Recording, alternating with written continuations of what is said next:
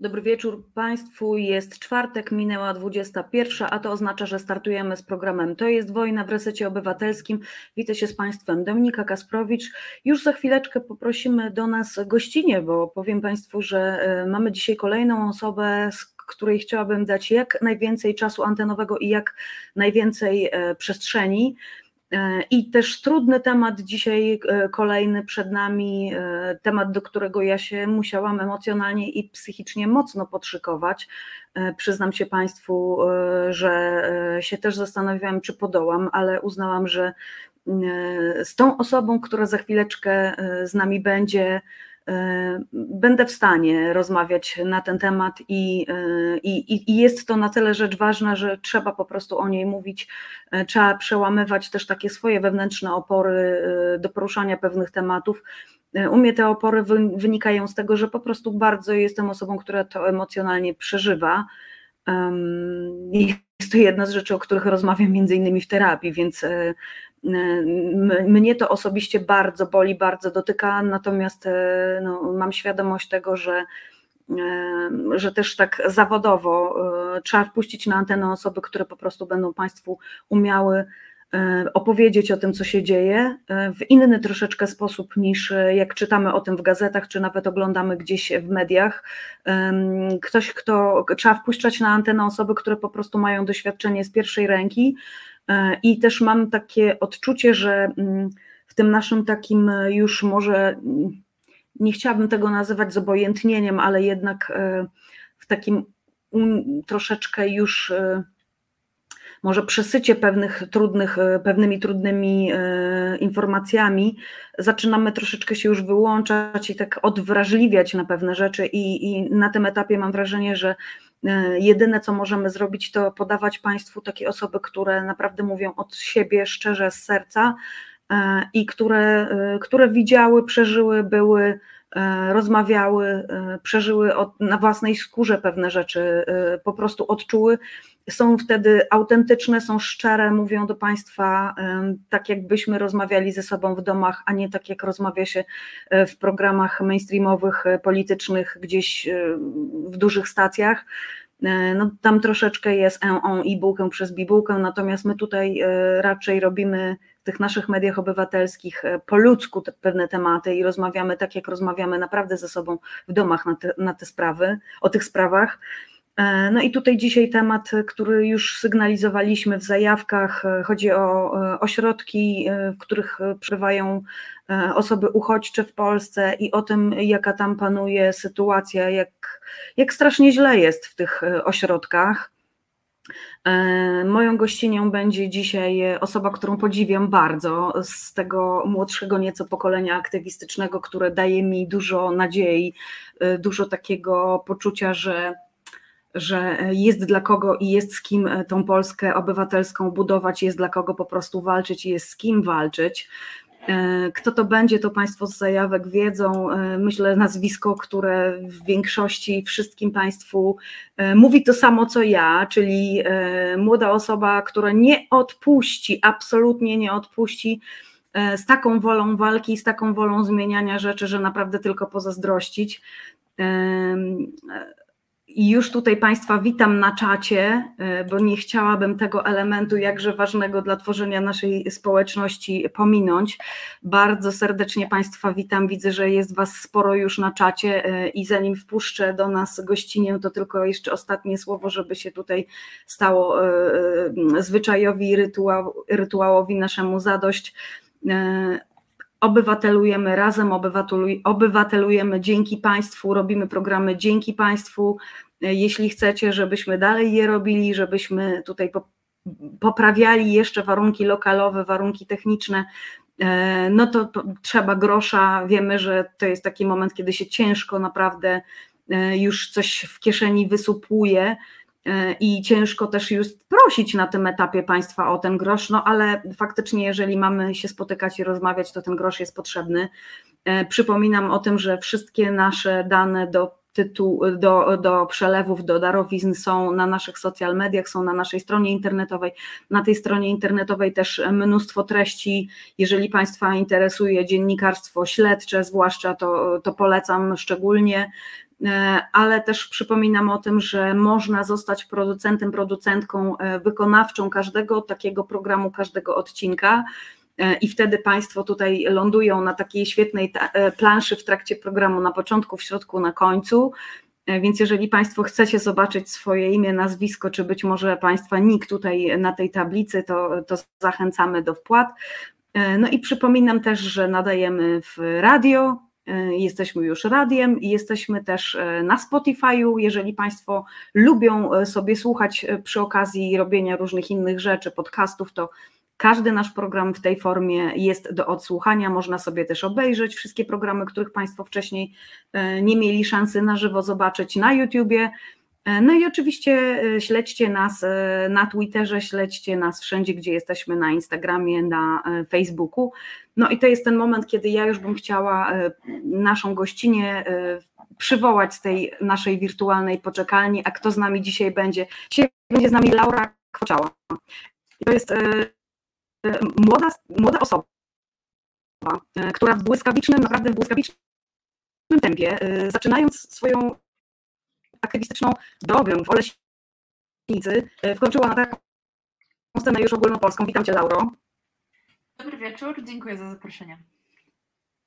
No ja bardzo się cieszę, że w ogóle znalazłaś czas i to tak czas na live'a, nie na nagranie, bo wiem, że to jest w Twoim napiętym bardzo grafiku no, duża sprawa, żeby wygospodarować dwie godziny i też wieczorem na takim zmęczeniu. Zaraz Państwo, e, zaraz państwo będą e, wiedzieli, e, o czym mówimy, o jakiego stopnia zmęczeniu możemy w przypadku Laury dzisiaj mówić, no ale do, te, do tego przejdziemy za chwilę, a ja jeszcze bym chciała dla tych z Państwa, którzy e, być może pierwszy raz widzą albo e, widzą Laurę i słyszą o Laurze, tak pokrótce streścić ten życiorys aktywistyczny. I powiem szczerze, Laura, że ja jak sobie spisywałam tutaj te twoje różne etapy tej drogi aktywistyczno-politycznej już w tej chwili, to sobie pomyślałam, kurczę, naprawdę, co ja robiłam, jak byłam w twoim wieku?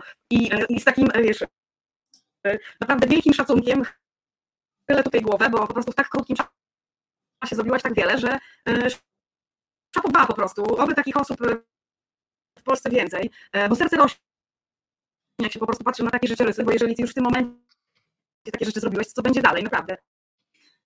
Można spokojnie przechodzić na aktywistyczną emeryturę, wiedząc, że po prostu są osoby dalej, które zrobią wszystko, co trzeba, żeby w tym kraju było dobrze. Powiem Państwu tak, aktywistka na rzecz praw człowieka, która rozpoczęła w zasadzie swoją drogę i karierę taką aktywistyczną, jeżeli można tu w odniesieniu do aktywizmu tego słowa kariera użyć, na Dolnym Śląsku.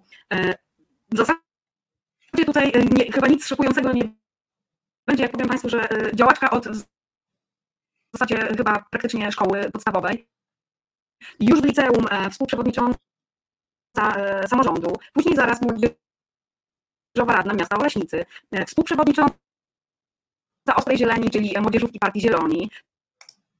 No w tej chwili już obecnie dyrektorka biura do spraw politycznych, proszę Państwa, to jest godne podkreślenia, dyrektorka biura do spraw politycznych w biurze poselskim Tomasza Aniśko, radna krajowa Partii Zieloni.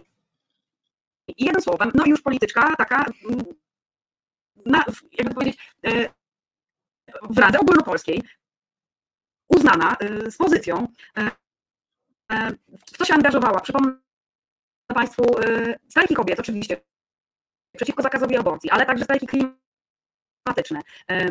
Laura walczyła też o dostęp do profesjonalnej opieki psychologicznej dla młodzieży w szkołach. No, protestowała przeciwko działaniom ministra e, edukacji i nauki, e, ministra Czarnka, ministra Dzbana roku 2021, nominowana w plebiscycie superbohaterek wysokich obcasów w 2021 roku, właśnie za aktywizm została Laura nominowana. E, no, to są, proszę Państwa, naprawdę, słuchajcie, duże osiągnięcia. Dla mnie, ja nie mam po prostu w ogóle tutaj e, e, absolutnie żadnych zastrzeżeń, nie mam też żadnych wątpliwości co do tego, że przed Laurą droga jest otwarta, czy w aktywizmie, czy w polityce. No, ja mam nadzieję, że sami przed Tobą i może rząd gdzieś przed Tobą, bo to jest takie moje tutaj prywatne, osobiste marzenie, żeby jak najwięcej kobiet i jak najwięcej z tej strony jakby sceny politycznej w tym Sejmie było i być może także w rządzie za chwileczkę, za jakiś czas było. Powiedz, jak ty się z tym czujesz, jak, jak ci się przedstawia te, te twoje osiągnięcia? Wiem, że jesteś skromna, bo się rozpytałam o ciebie i wiem, że jesteś skromna. I tutaj też widzę, że państwo, jak obserwujecie takie jak i ja reakcje, no to myślę sobie, co w tym momencie przez twoją głowę przemyka.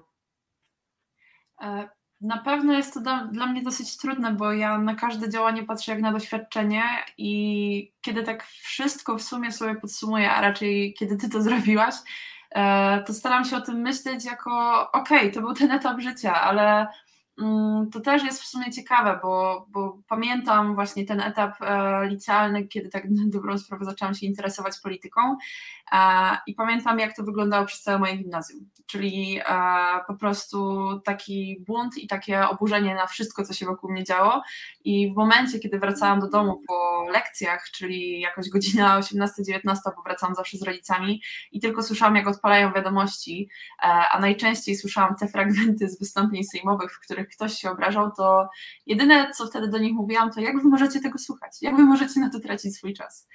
I dopiero po kilku latach zrozumiałam, że ci ludzie kłócą się o decyzję, która przełoży się na życie każdej obywatelki, każdego obywatela najczęściej. E, trochę mi to zajęło, e, natomiast e, przyznam się, że tak w liceum szczególnie no wpływ na tą moją aktywizację miała moja pani wychowawczyni, która zapewne też ogląda program, także pozdrawiam bardzo serdecznie. I mm, zaprosiła mnie do tego, abym wzięła udział w projekcie, co do którego na początku nie byłam przekonana, bo miał aktywizować młodych, jeśli chodzi o e, wiedzę, o zainteresowanie się polityką, a konkretniej była to symulacja do wyborów, e, symulacja wyborów do Parlamentu Europejskiego, tych ostatnich, którą mieliśmy przeprowadzić u nas w szkole. I dla mnie, jako osoby, która nie miała zielonego pojęcia o tym, jak to wszystko, z czym się je, jak to wygląda, było to nie lada wyzwanie. E, natomiast e, na politykę obecnie patrzę po prostu e, jako na narzędzie, z którego należy czerpać dużo, ale narzędzie, które nie jest narzędziem w rękach jednej osoby, bo ta osoba została wybrana do swojej roli, czy to na szczeblu samorządowym, czy to na szczeblu krajowym, po to, aby e, przekazywać dalej i, i móc decydować w imieniu e, masy osób, e, rzeszy osób, która po prostu bardzo często nie zgadza się na to, co dzieje się obecnie w kraju, czy też właśnie chciałaby, żeby coś zostało utrzymane i, i na tym trzeba się skupiać. Lubię też jednego sobie mówić, że, że bardziej to działa w ten sposób, że, że ten system nadal gdzieś mnie razi. Na przykład ta biurokracja, na której e, bardzo często gdzieś e, potrafimy utknąć, w którym momencie jest to taki hamulec. E, natomiast no, nie ma tego złego, co by na dobre nie wyszło. Wszystko, co nawet jest tym negatywnym doświadczeniem, jest doświadczeniem, które gdzieś tak nas uczy i buduje i tak na to wszystko patrzę. Mhm. Taka najtrudniejsza rzecz do tej pory, którą przeżyłaś, to są chyba te represje, które cię spotkały po protestach w 2020. Czy o tym e, kilka zdań byłabyś w stanie teraz nam powiedzieć? E, jak najbardziej. E, jeśli chodzi o pierwszą sprawę, to były to oczywiście strajki kobiet, ale może o tym zaraz, bo bardzo lubię opowiadać o moim pierwszym przesłuchaniu na policji, które właśnie miało miejsce w Oleśnicy. E, I było ono spowodowane protestem solidarnościowym e, z Margot, e, które zrobiliśmy w cztery osoby raptem pod komisariatem we Wrocławiu na ulicy Trzemeskiej. To jest komisariat, który jest niestety okryty złą, złą sławą i myślę, że wszyscy sobie z tego zdajemy sprawę. Natomiast to, co na pewno było dla mnie straszne w tym momencie, to to, że kompletnie nie, nie, zdawałam sobie sprawy z tego, jakie mam prawa. Nikt wcześniej mi tego nie przekazał, więc e, po prostu nie odzywałam się do policjantów, pozwalałam im de facto przekraczać kolejne granice, których nie powinni przekraczać. E, dałam się spisać, e, no i później otrzymałam wezwanie na przesłuchanie, co do którego też jakby e, tutaj nie zastanawiałam się, czy powinnam na nie iść, z kim powinnam na nie iść, e, mimo że było to przesłuchanie w charakterze osoby podejrzanej, nie świadka i poszłam z moim tatą, który też kompletnie nie wiedział, jak się zachować. Dalej, no co myślę, że strajki kobiet to też na mnie szczególnie wywarły taki wpływ, jeśli chodzi o zmianę myślenia, dlatego że po prostu po ostatnim strajku, u nas te strajki niestety bardzo szybko się wydłużyły, wygasiły, bo też spotkały się z dużą mhm. krytyką. No jednak mała miejscowość, lokalne media, dużo osób Cię zna, dużo osób przede wszystkim zna Twoją rodzinę, na której to się też odbija, chcąc nie chcąc. I skończyło się to niestety w ten sposób, że z gazety, z lokalnej gazety dowiedziałam się, że prokuratura wszczęła postępowanie wobec mnie i czterem, trzem innym osobom za szerzenie zakażenia, czyli to jest paragraf, który mówi o karze pozbawienia wolności od 6 miesięcy do 8 lat więzienia. Tak. Dla mnie jako osoby, która była wtedy dwa miesiące po 18 urodzinach i która jeszcze e, tak na dobrą sprawę nie zaprzątała sobie głowy tym, co będzie dalej e, poza maturą, do której się wtedy przygotowywałam, e, to był taki przyczynek do tego, aby myśleć o tym, czy czasem nie będzie tak, jak będę pisać maturę, że wejdzie policja i zaprosi mnie na dodatkowe przesłuchanie albo stanie się cokolwiek innego, co kompletnie się nie powinno stać. Całe szczęście tak się nie stało, a ja chcąc, nie chcąc dowiedziałam się, że te mm, represje, czy też taka odpowiedzialność przed ja to mówię obecnym rządem i upolitycznionym wymiarem sprawiedliwości, bo jednak no, wymiarem sprawiedliwości bym tego nie nazwała e, w chwili obecnej, poza niezawisłymi sędziami, z którymi e, razem stajemy ramię w ramię bardzo często na protestach, mm, pokazała mi, że po prostu trzeba być przygotowaną, przygotowanym na wszystko. I to, czego się jeszcze bałabym kilka miesięcy temu, a obecnie wydaje mi się być czymś, do czego się przyzwyczaiłam. Nie jest to dobre, ale wydaje mi się, że na chwilę obecną nie da się inaczej i też mam świadomość tego, że wcale nie jest ze mną i z moimi sytuacjami, z moimi e, sprawami aż tak, że jak na przykład z, z moimi znajomymi którzy bardzo często e, no, żyją tak na dobrą sprawę, od e, decyzji do decyzji, od terminu do terminu, pilnują tego, żeby się odwołać, a jak się nie odwołają, no to już jest trochę gorzej. Mm, I wydaje mi się, że, że to jest chyba na ten moment taka nieodłączna część tego aktywizmu i tego działania. Mhm. Tobie faktycznie przyłożono te prokuratorskie, e, ziobrowskie artykuły, które dostała bardzo nieliczna grupa e, osób aktywistycznych w Polsce i ja miałam kilka spraw za protesty w tym samym czasie i tutaj jednak u mnie lokalnie w Iławie e, aż tak grubo e, mi nie, nie zasądzono, że tak powiem, tych e, zarzutów. E, także no, ciebie wyróżniono tutaj, nie wiem, czy to kwestia taka lokalna po prostu prokuratury jakiejś bardzo niesprzyjającej, czy, y, czy to jest, y, nie wiem, po prostu takie zupełnie przypadkowe, randomowe, jak to mówią najmłodsi, że akurat tobie się to trafiło, ktoś cię tam nie lubi po prostu w tej oleśnicy. E, I, i, i cieszę się, że z tego wyszłaś, cieszę się, że to się wszystko skończyło e, dobrze i mam takie wrażenie, że cię nie zabiło, ale za to wzmocniło i na pewno skórę na tym tak zwanym tyłku też, bo y, no jakby nie skończyła się twoja tutaj droga i twój zapał do tego, żeby zmieniać świat i zmieniać Polskę, tylko wręcz przeciwnie, mam wrażenie, że takiego powera dostałaś przez te, przez te represje, o których było głośno. I jeżeli Państwo nie pamiętają takiego cyklu na celowniku, który w dalszym ciągu się pojawiają jakby artykuły z tego cyklu e, w Okopresie, to tutaj za chwileczkę też wrzucę e, Państwu na czat e, takie dwa najważniejsze artykuły, które się na Twój temat ukazały. Wywiad duży w wysokich obcasach i właśnie materiał taki pokazujący te represje w Okopresie.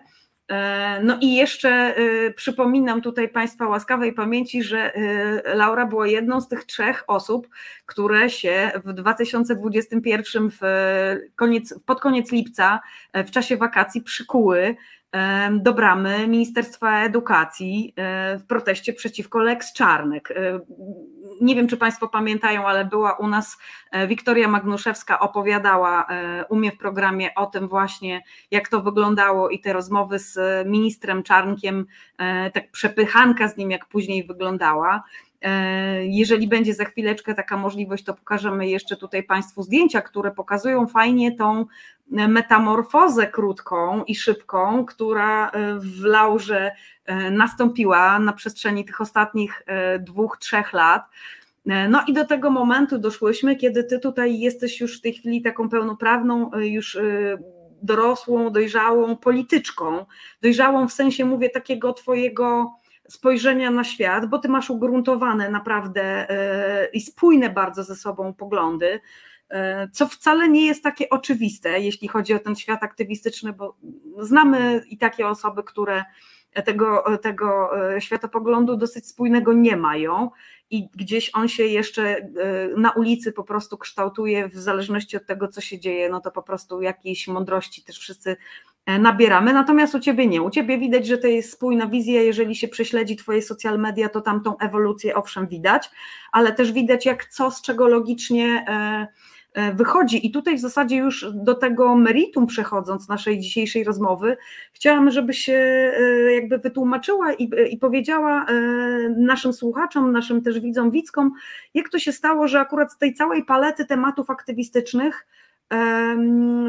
Teraz tym takim najważniejszym e, motywem przewodnim w tym, co ty robisz, stała się sprawa osób uchodźczych i właśnie też nie tych e, z zagranicy ukraińskiej, tylko właśnie tych dalej na granicy białoruskiej, czyli zajmujesz się tymi sprawami, które już trochę nam wszystkim z radaru niestety zeszły. I, I, mam wrażenie, że zajęłaś się tą sprawą, która jest taka najtrudniejsza, jakby w, w mojej ocenie w tej chwili z tych wszystkich spraw, e, takich praw człowieczych, które w kraju się dzieją. No i właśnie też trudna dlatego w nawigacji, że jakby no, Ukraina przyćmiła po prostu inne tematy i Teraz sezon parad, znowu troszeczkę chcemy odpocząć od tej wojny i, i, i bardzo tak odżył ten aktywizm na rzecz osób LGBT. Natomiast ta granica białoruska taka trochę została z tyłu. No i właśnie mam wrażenie, że ty nie chcę, nie chcę, proszę Państwa, użyć tego wrażenia, że takie te stracone sprawy, tak? Bo to nie o to chodzi, ale takie te najtrudniejsze, takie, które no właśnie już gdzieś nam inni odpuszczają, bo nie widzą jakiejś możliwości zrobienia czegoś więcej, a ty tutaj akurat w to uderzyłaś. Dlaczego tak? Przyznam szczerze, że to też dla mnie bardzo, bardzo długo była trudna sprawa, co do której nie wiedziałam, jak podejść, bo niebawem minie rok od tego, kiedy to się stało naszą nową rzeczywistością, do której jednak mam wrażenie, że spora część e, społeczeństwa się przyzwyczaiła. E, natomiast e, właśnie kilka dni temu znajoma, też polityczka właśnie, tak jak już wspominałam o politykach, Małgosia Tracz przypomniała mi, że kiedy odbył się pierwszy protest, mm, związany z sytuacją na granicy i kiedy zachęciła mnie do tego, żebym zabrała głos, to ja powiedziałam, nie, sorry, nie, nie, nie mam pojęcia, jak się wypowiedzieć w tym temacie. Nie wiem, co ja w tym momencie teraz czuję. Ja jeszcze nie dopuszczałam wtedy do siebie tego, że to się dzieje. E, nie miałam jeszcze tych informacji, o które jestem bardziej świadoma dzisiaj. I też nie wiedziałam, czy po prostu nie mówiąc czegoś, tak, tak jak to czuję, właśnie prosto z serca, czy jak komuś nie zaszkodzę w ten sposób. E, I po mhm. prostu bardzo, bardzo długo, tak na dobrą sprawę, ten temat się przewijał gdzieś w moich rozmowach ze znajomymi aktywistkami i aktywistami, a bardzo długo jednak gdzieś starałam się e, czytać o nim i jednocześnie wyrabiać sobie pewne mechanizmy, żeby, żeby gdzieś o nim nie myśleć, ale faktycznie był bardzo długi czas, kiedy on spędzał mi sens powiek. Zresztą e, no było to dosyć trudne, ale na maturze po prostu, kiedy przeczytałam jeden z tematów, to od razu pomyślałam o tej sytuacji. Jednak ze strachu przed tym, że nie wiem, kto będzie moją pracę czytać, e, stwierdziłam, że po prostu nie poruszę go, albo przynajmniej poruszę ogólnikowo w zakresie e, tego, jak wygląda migracja i czym jest spowodowana. Natomiast, no właśnie, no, wydaje mi się, że tak jak wspomniałaś na początku o tym, że, że w całym aktywizmie i w zaangażowaniu społecznym przekraczamy swoje granice, to dla mnie to było przekroczeniem takiej granicy. Moment, w którym usłyszałam właśnie od e, Tomka Aniśko, z którym teraz współpracuję, że jest potrzeba, aby wesprzeć osoby, które znajdują się w tych ośrodkach, e, poprzez właśnie różne interwencje poselskie, poprzez pisma w ich sprawach. E, I moja pierwsza myśl to oczywiście było to, że ja nie znam tematu, ja znam ten e, temat tylko z mediów, z rozmów, nie znam się na prawie w tym kontekście, nie jestem ekspertką, nie wiem, co tu będę mogła zrobić, ale zacisnęłam usta i powiedziałam, ok, dobra, no to chciałabym usłyszeć, co my możemy zrobić. I to, co później usłyszałam, zostało gdzieś jednak e, ze mną w przemyśleniach e, na kolejny tydzień, Mianowicie zastanawiałam się, jak to jest w ogóle możliwe i czy to jest w ogóle prawda, co ja słyszę, że do tych ośrodków trafiają osoby, które nigdy nie powinny tam trafić, chociażby ze względu na swój stan zdrowia, czy fizycznego, czy psychicznego, e, które są rozdzielane ze swoimi rodzinami, które bardzo często nie mają kontaktu ze swoimi rodzinami e, i przede wszystkim, których prawa są nagminnie łamane. I tutaj poruszyłaś bardzo ważny temat, czyli właśnie wojnę w Ukrainie którą też byłam zaangażowana przez pierwszy miesiąc jako wolontariuszka na dworcu. Wtedy jeszcze nie było tych miejskich wolontariatów. E, wtedy po prostu zobaczyłam e, dziewczynę mundurowaną jako ratowniczkę medyczną, natomiast okazało się, że jest ratowniczką medyczną weterynarii i jeździ interwencyjnie, ale po prostu tego dnia kiedy usłyszała, że wybuchła wojna, że stało, to, co, stało się to, co się stało, to tak samo jak ja przyjechałam na dworzec i po prostu wymieniłyśmy się kontaktem. E, razem z kolegą wtedy udało nam się odpalić siatkę wolontariuszy tłumaczy e, i zaangażowaliśmy się maksymalnie. Później no już zobaczyliśmy, że coraz więcej osób się angażuje w ten temat, więc ja też zobaczyłam, że okej, okay, Zaniedbałam de facto osoby, z którymi dotychczas miałam kontakt właśnie w ośrodkach. Ten kontakt był cały czas zdalny, bo ja po raz pierwszy ośrodek odwiedziłam stosunkowo niedawno, czyli w maju. I zdecydowałam się no, wrócić, nazwijmy, do tego mojego normalnego życia. I wtedy zrozumiałam, e, że te osoby, które od kilku, kilkunastu miesięcy, czasami nawet ponad rok, siedzą w tych ośrodkach, doskonale zdają sprawę z tego, co się dzieje weszłam na mojego Messengera i zobaczyłam kilkanaście wiadomości e, o treści Cześć Laura, e, wiemy, że wybuchła wojna. Czy możemy Wam jakoś pomóc? E, mhm. Osoby z ośrodków pytały się, czy mogą oddać krew dla osób, które są ranne w Ukrainie. Niektóre nawet chciały walczyć w Ukrainie. Wyjść z ośrodka, zostawić wszystko. Często jedyny kontakt z rodziną, mając od tych kilkunastu miesięcy tylko zdalnie i tylko w wyznaczonym czasie, żeby mhm. pomóc.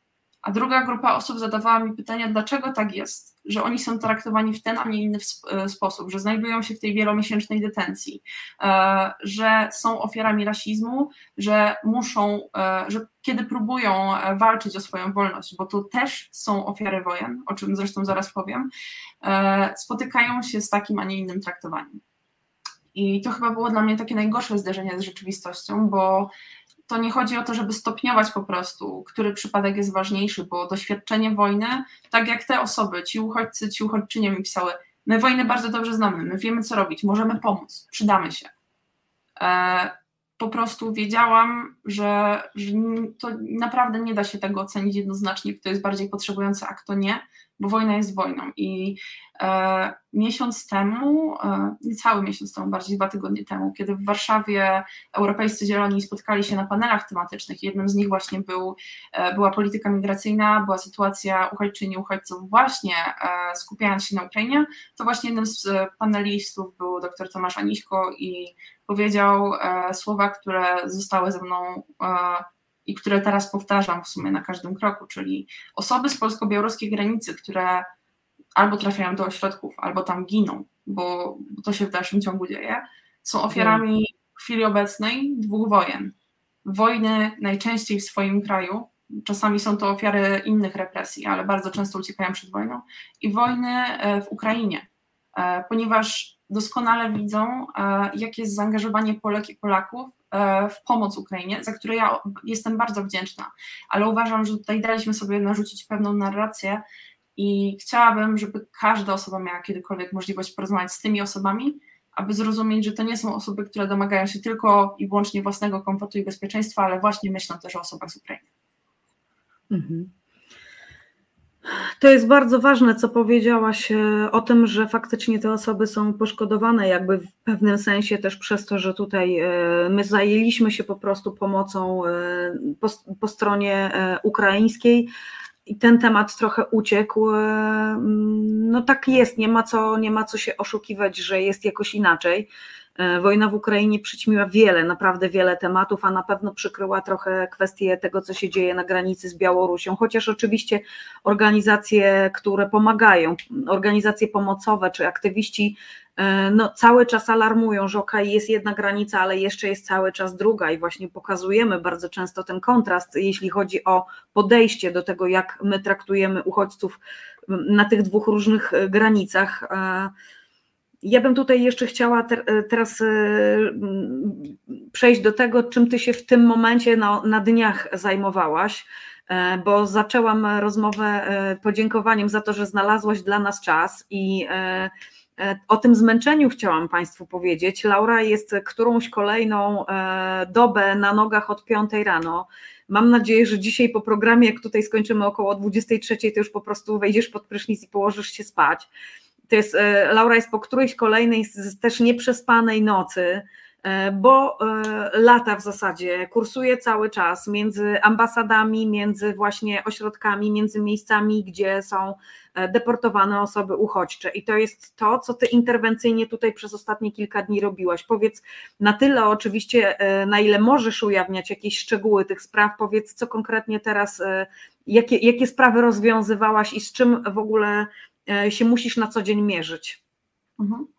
Jasne. Przede wszystkim nie robiłam tego sama. Robiłam to z Karoliną Mazurek, która w tym momencie dalej pomaga, e, jest w trasie i Karolinę serdecznie pozdrawiam, ponieważ e, to w mhm. dużej mierze jest jej zasługa, że to wszystko stało się tak szybko i działałyśmy razem. Natomiast e, dwa dni temu, a dwa dni temu, dzień temu już się gubię, ale w momencie, w którym dostałyśmy informację, że, że ma dojść do deportacji, to po prostu nie myślałyśmy. Ja napisałam, że jestem w pociągu do Warszawy, jak tylko dojadę, to będę wiedziała, co, co możemy robić, dlatego że teraz sobie przeczytam, przygotuję wszystko, co mam, przejrzę papiery innych osób, którym pomagaliśmy, zobaczę, jaka to jest sytuacja.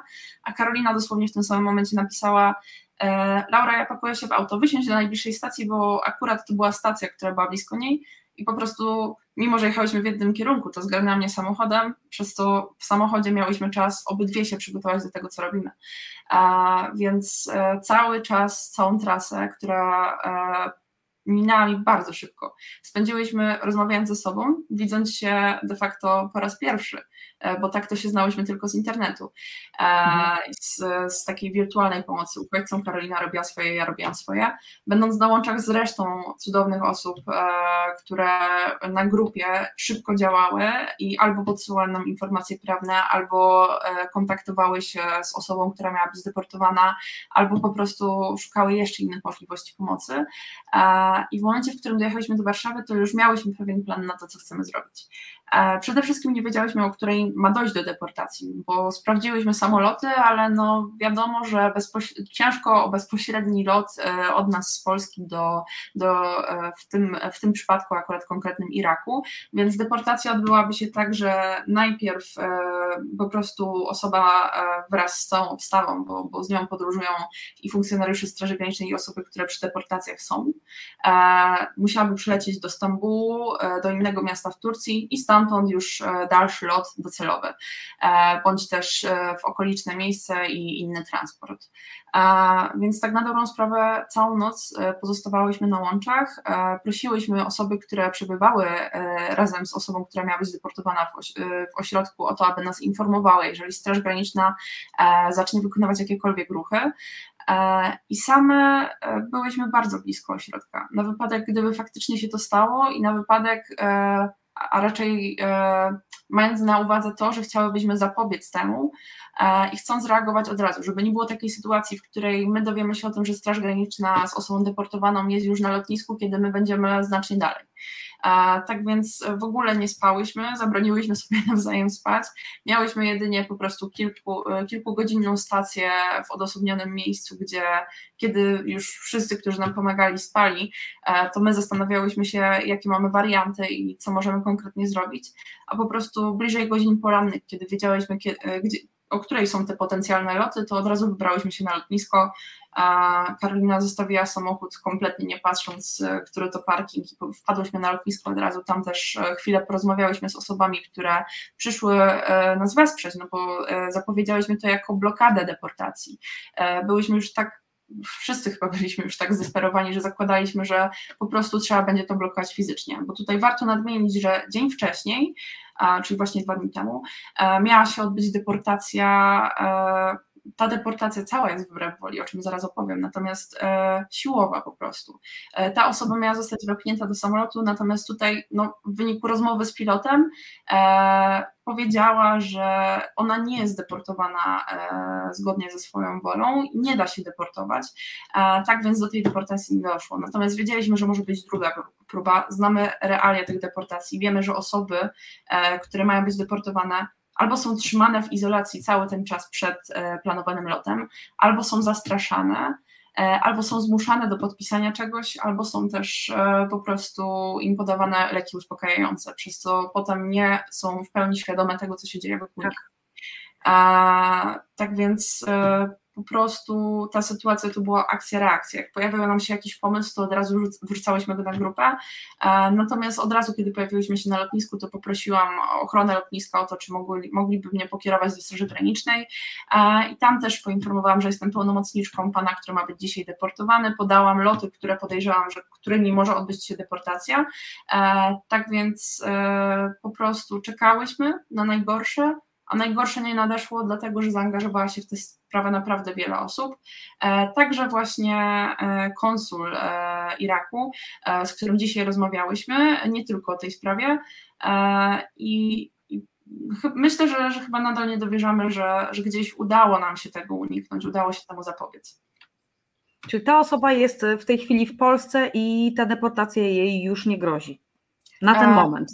Na ten moment tak. E, zastanawiamy się, jak jej możemy pomóc prawnie, aby te deportacje maksymalnie odciągnąć w czasie lub najlepiej wykluczyć oczywiście, bo, bo ta osoba dostała decyzje odmowne na wnioski o ochronę międzynarodową, e, także na inne procedury, ale tutaj to już e, nie będę zdradzać, bo, bo wiadomo jakby też, że, że bardzo często spotykałam się z nie tylko ja, ale reszta osób, które pomagają z sytuacjami, w których za nasze działania, za nasz kontakt z tymi osobami w jakiś sposób e, odgrywano się na nich za to po prostu, że e, nagłośniły swoją sytuację. E, tak więc na ten moment nie, ale działamy dalej, ponieważ no, nie jest to jedyny przypadek, w którym mamy do czynienia z deportacją, z nielegalną deportacją, bo tutaj myślę, że warto to zaznaczyć. Irak nie przyjmuje osób deportowanych wbrew woli. Taka mhm. deportacja jest wtedy odsyłana e, do kraju e, i po prostu szanują to, że, że ktoś nie chce tam wracać. Niezależnie od tego, jaka jest jego sytuacja, e, jeśli jest to deportacja, to, to nie wyrażają na to zgody. W zasadzie można by to było podsumować, że to jest taki trochę pushback jak przez granicę z Białorusią, tyle że samolotem.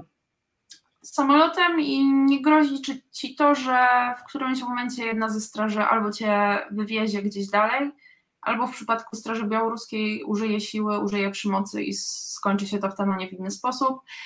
Też wydaje mi się jednak, że mimo, mimo warunków, jakie panują w tych ośrodkach, jednak jest to pewnego rodzaju zabezpieczenie, ustabilizowanie tej sytuacji, pewna opieka, pewna przynależność też do grupy, a niekoniecznie przebywanie w zimnym lesie w temperaturach często minusowych podczas opadów deszczu, w totalnej separacji, e, z nadzieją na to, że, że nie natkniesz się na którychkolwiek strażników granicznych, a na jakąkolwiek pomoc e, przypadkową bardzo często.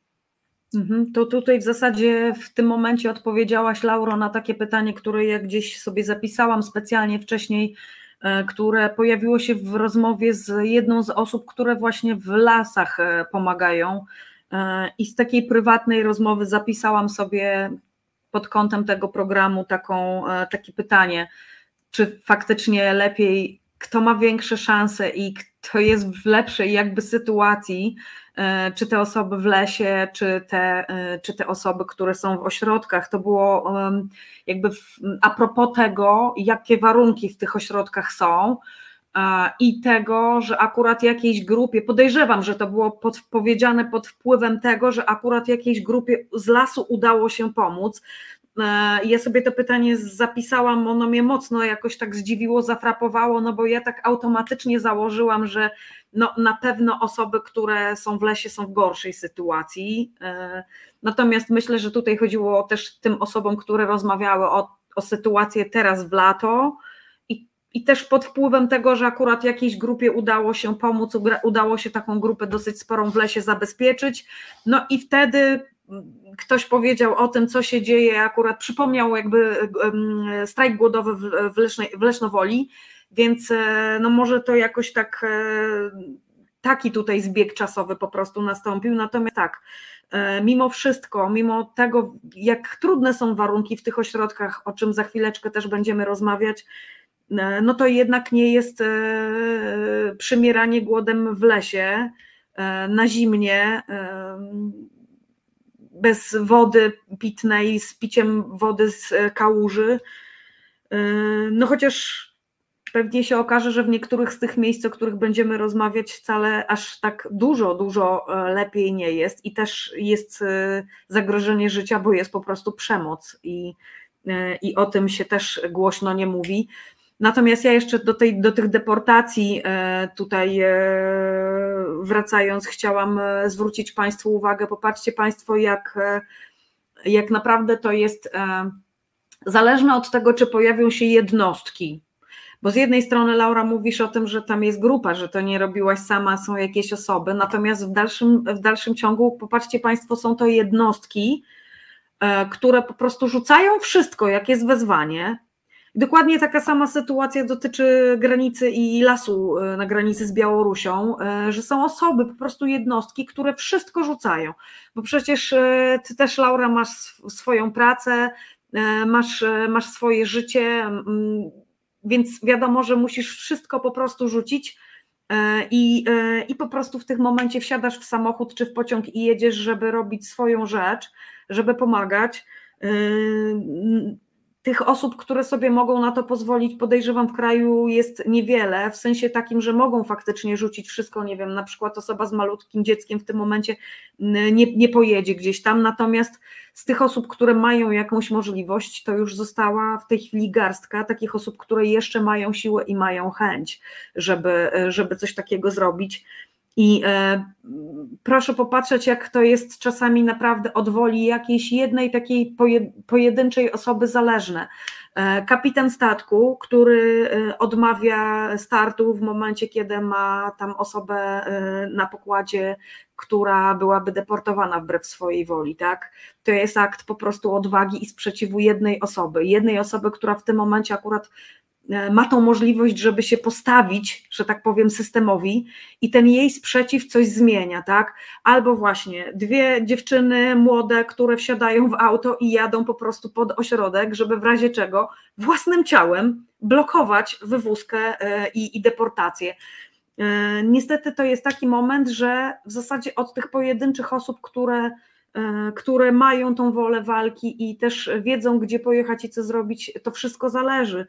I tak sobie myślę, ile takich osób jest, które zostały deportowane i po prostu nie znalazła się taka osoba, która, która by zmontowała taki sprzeciw. E, jest to, jest to takie przerażające, ale jednocześnie też no, cieszę się, że są te osoby, które, tak jak ty właśnie, e, e, no są skłonne, tak to nazwę, są skłonne wszystko poświęcić, żeby w takiej jakiejś jednostkowej sprawie kogoś po prostu uratować, chociażby jedną osobę, każda jedna kolejna, która, która nie zostanie wpakowana do tego samolotu i nie zostanie odesłana często w warunki, które dla niej są wyrokiem śmierci po prostu.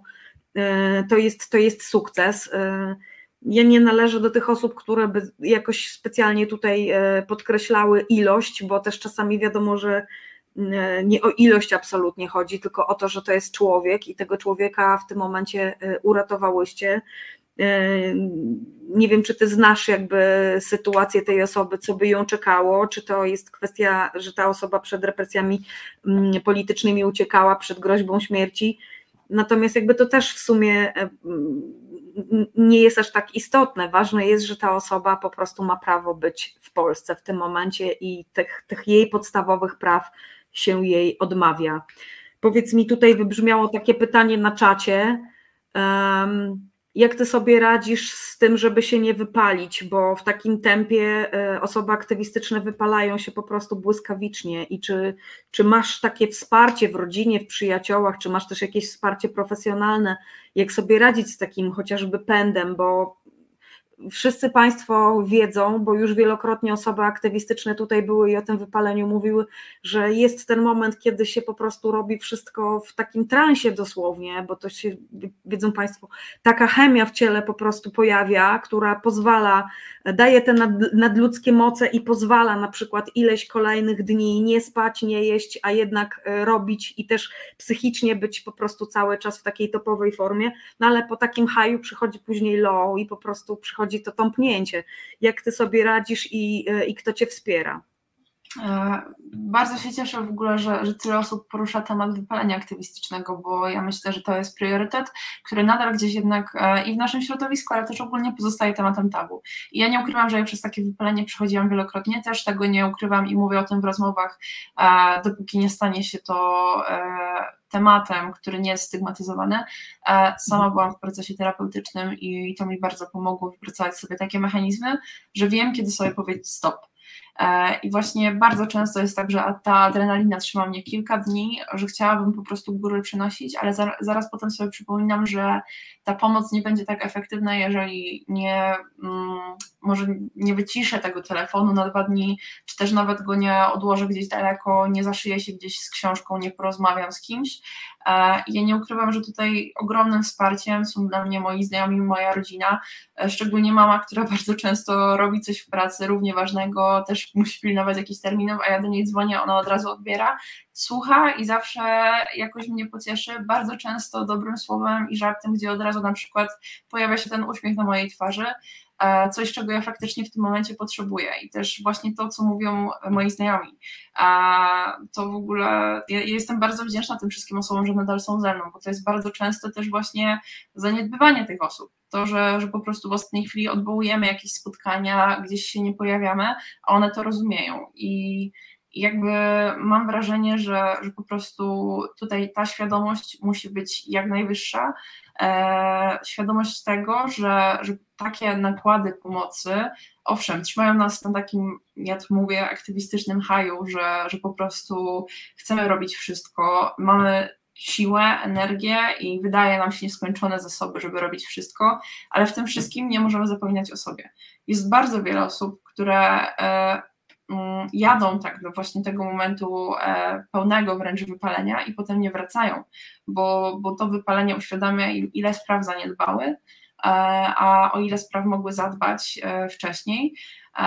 I, I, właśnie przez, te, przez to myślenie, przez te wyrzuty sumienia odchodzą od czegoś, też bardzo często utożsamiają to ze swoją życiową porażką.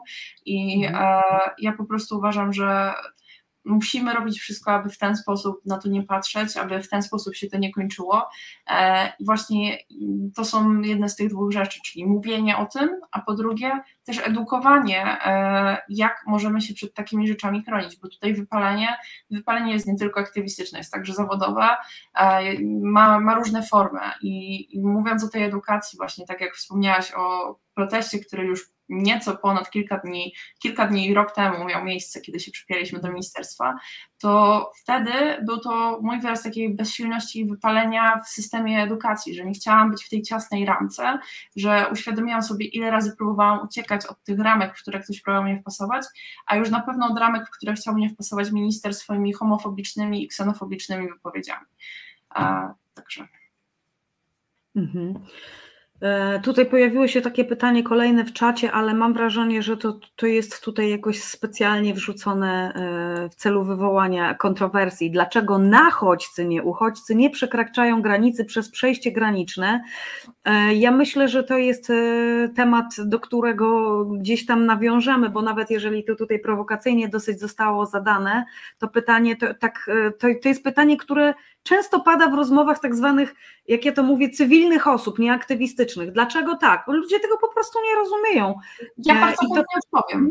E, mhm. Bardzo chętnie odpowiem, ponieważ e, musimy mieć świadomość tego, że osoby, które trafiają na granicę, e, przyjechały do Białorusi ze świadomością, z nadzieją na to, że znajdą tam jakiś azyl, który został im obiecany, a po kilku dniach pobytu w mieście zostały wywiezione na granicę i białoruska Straż Graniczna doskonale wie, jak tych ludzi potraktować i w które miejsca tych ludzi wy, wyrzucać, żeby nie mieli oni energii, ani siły, ani zasobów, także tych materialnych, typu mapa w telefonie, żeby znaleźć jakiekolwiek przejście graniczne. W tym momencie mhm. ludzki organizm jest tak wycieńczony, że oni nie myślą o tym, e, jak e, legalnie e, przejść przez ten proces, a już na pewno nie w sytuacji, kiedy kilka dni temu, kilkanaście dni temu do użytku został oddany wielki mur na ponad 5 metrów. Tak. tak więc mało tego, oni, ich ten mur nie zatrzyma. W momencie, w którym komuś jest odbierana i ograniczona wolność, oni nawet kosztem własnego zdrowia, połamanych kończyn, a często ich życia, będą przez ten mur przeskakiwać. Więc nie wiem, czy, czy jest to dostateczna odpowiedź na to pytanie, ale, ale dlatego nie przekraczają, dlatego że są w takim stanie, który uniemożliwia im to przekraczanie. A po drugie, e, gdyby Straż Graniczna e, dbała o te procedury, to by sama zadbała o to, aby te osoby tam dotarły po prostu. Tak, tak, tak. Czyli tak naprawdę y, nie chodzi o to, żeby te, y, te osoby tam dotarły. Nie chodzi o to Straży Granicznej po prostu E, z obu krajów, no, umówmy się. Więc te osoby są tak wprowadzane w błąd i w takich miejscach zostawiane, żeby po prostu musiały tą granicę przekroczyć nielegalnie. Tutaj pan Piotr Strychalski pisze, że po prostu nie działają oczywiste procedury, a w każdym przypadku, gdy, gdy, gdy to możliwe, urzędnicy, a i czasami sędziowie podejmują dziwaczne i niezrozumiałe decyzje. Jeżeli jeszcze jakieś pytania Państwo będą mieli, takie tutaj konkretne, naprawdę dotyczące tego, czym Laura się zajmuje, to jak najbardziej zapraszam do tego, żeby na czacie te e, pytania zadawać. E, no i tutaj chciałabym w zasadzie jeszcze na koniec, zanim zrobimy sobie króciuteńką przerwę w okolicach 22, bo tak Państwo są tutaj też przyzwyczajeni, a i nam e, ta króciuteńka przerwa ze względów higienicznych się przyda, to jeszcze chciałam zapytać e, o to, jak Ty widzisz ogólnie w tym momencie sytuację osób uchodźczych w Polsce, tak naprawdę o, bardzo ogólnie, bo e, tutaj Państwu zdradzę, nie wiem czy Państwo e, wszyscy jakby gdzieś tam e, na, to, na tą informację trafili. 19 lipca właśnie Rada Krajowa Partii Zielonych zaprezentowała uchwalone jednogłośnie stanowisko dotyczące sytuacji i uchodźców w strzeżonych ośrodkach dla cudzoziemców na terenie Polski. I to jest pewien przełom, bo też nie wiem, czy Państwo jakby śledzą wszystkie, e, wszystkie partie. E, to nie jest tak, że, e, że wszystkie partie w Polsce, nawet po tej takiej lewej stronie sceny politycznej, jakoś mocno się, mocno się, że tak powiem, określają i, i prezentują stanowiska, jeśli chodzi właśnie o, o sytuację osób przebywających w tych zamkniętych, strzeżonych ośrodkach.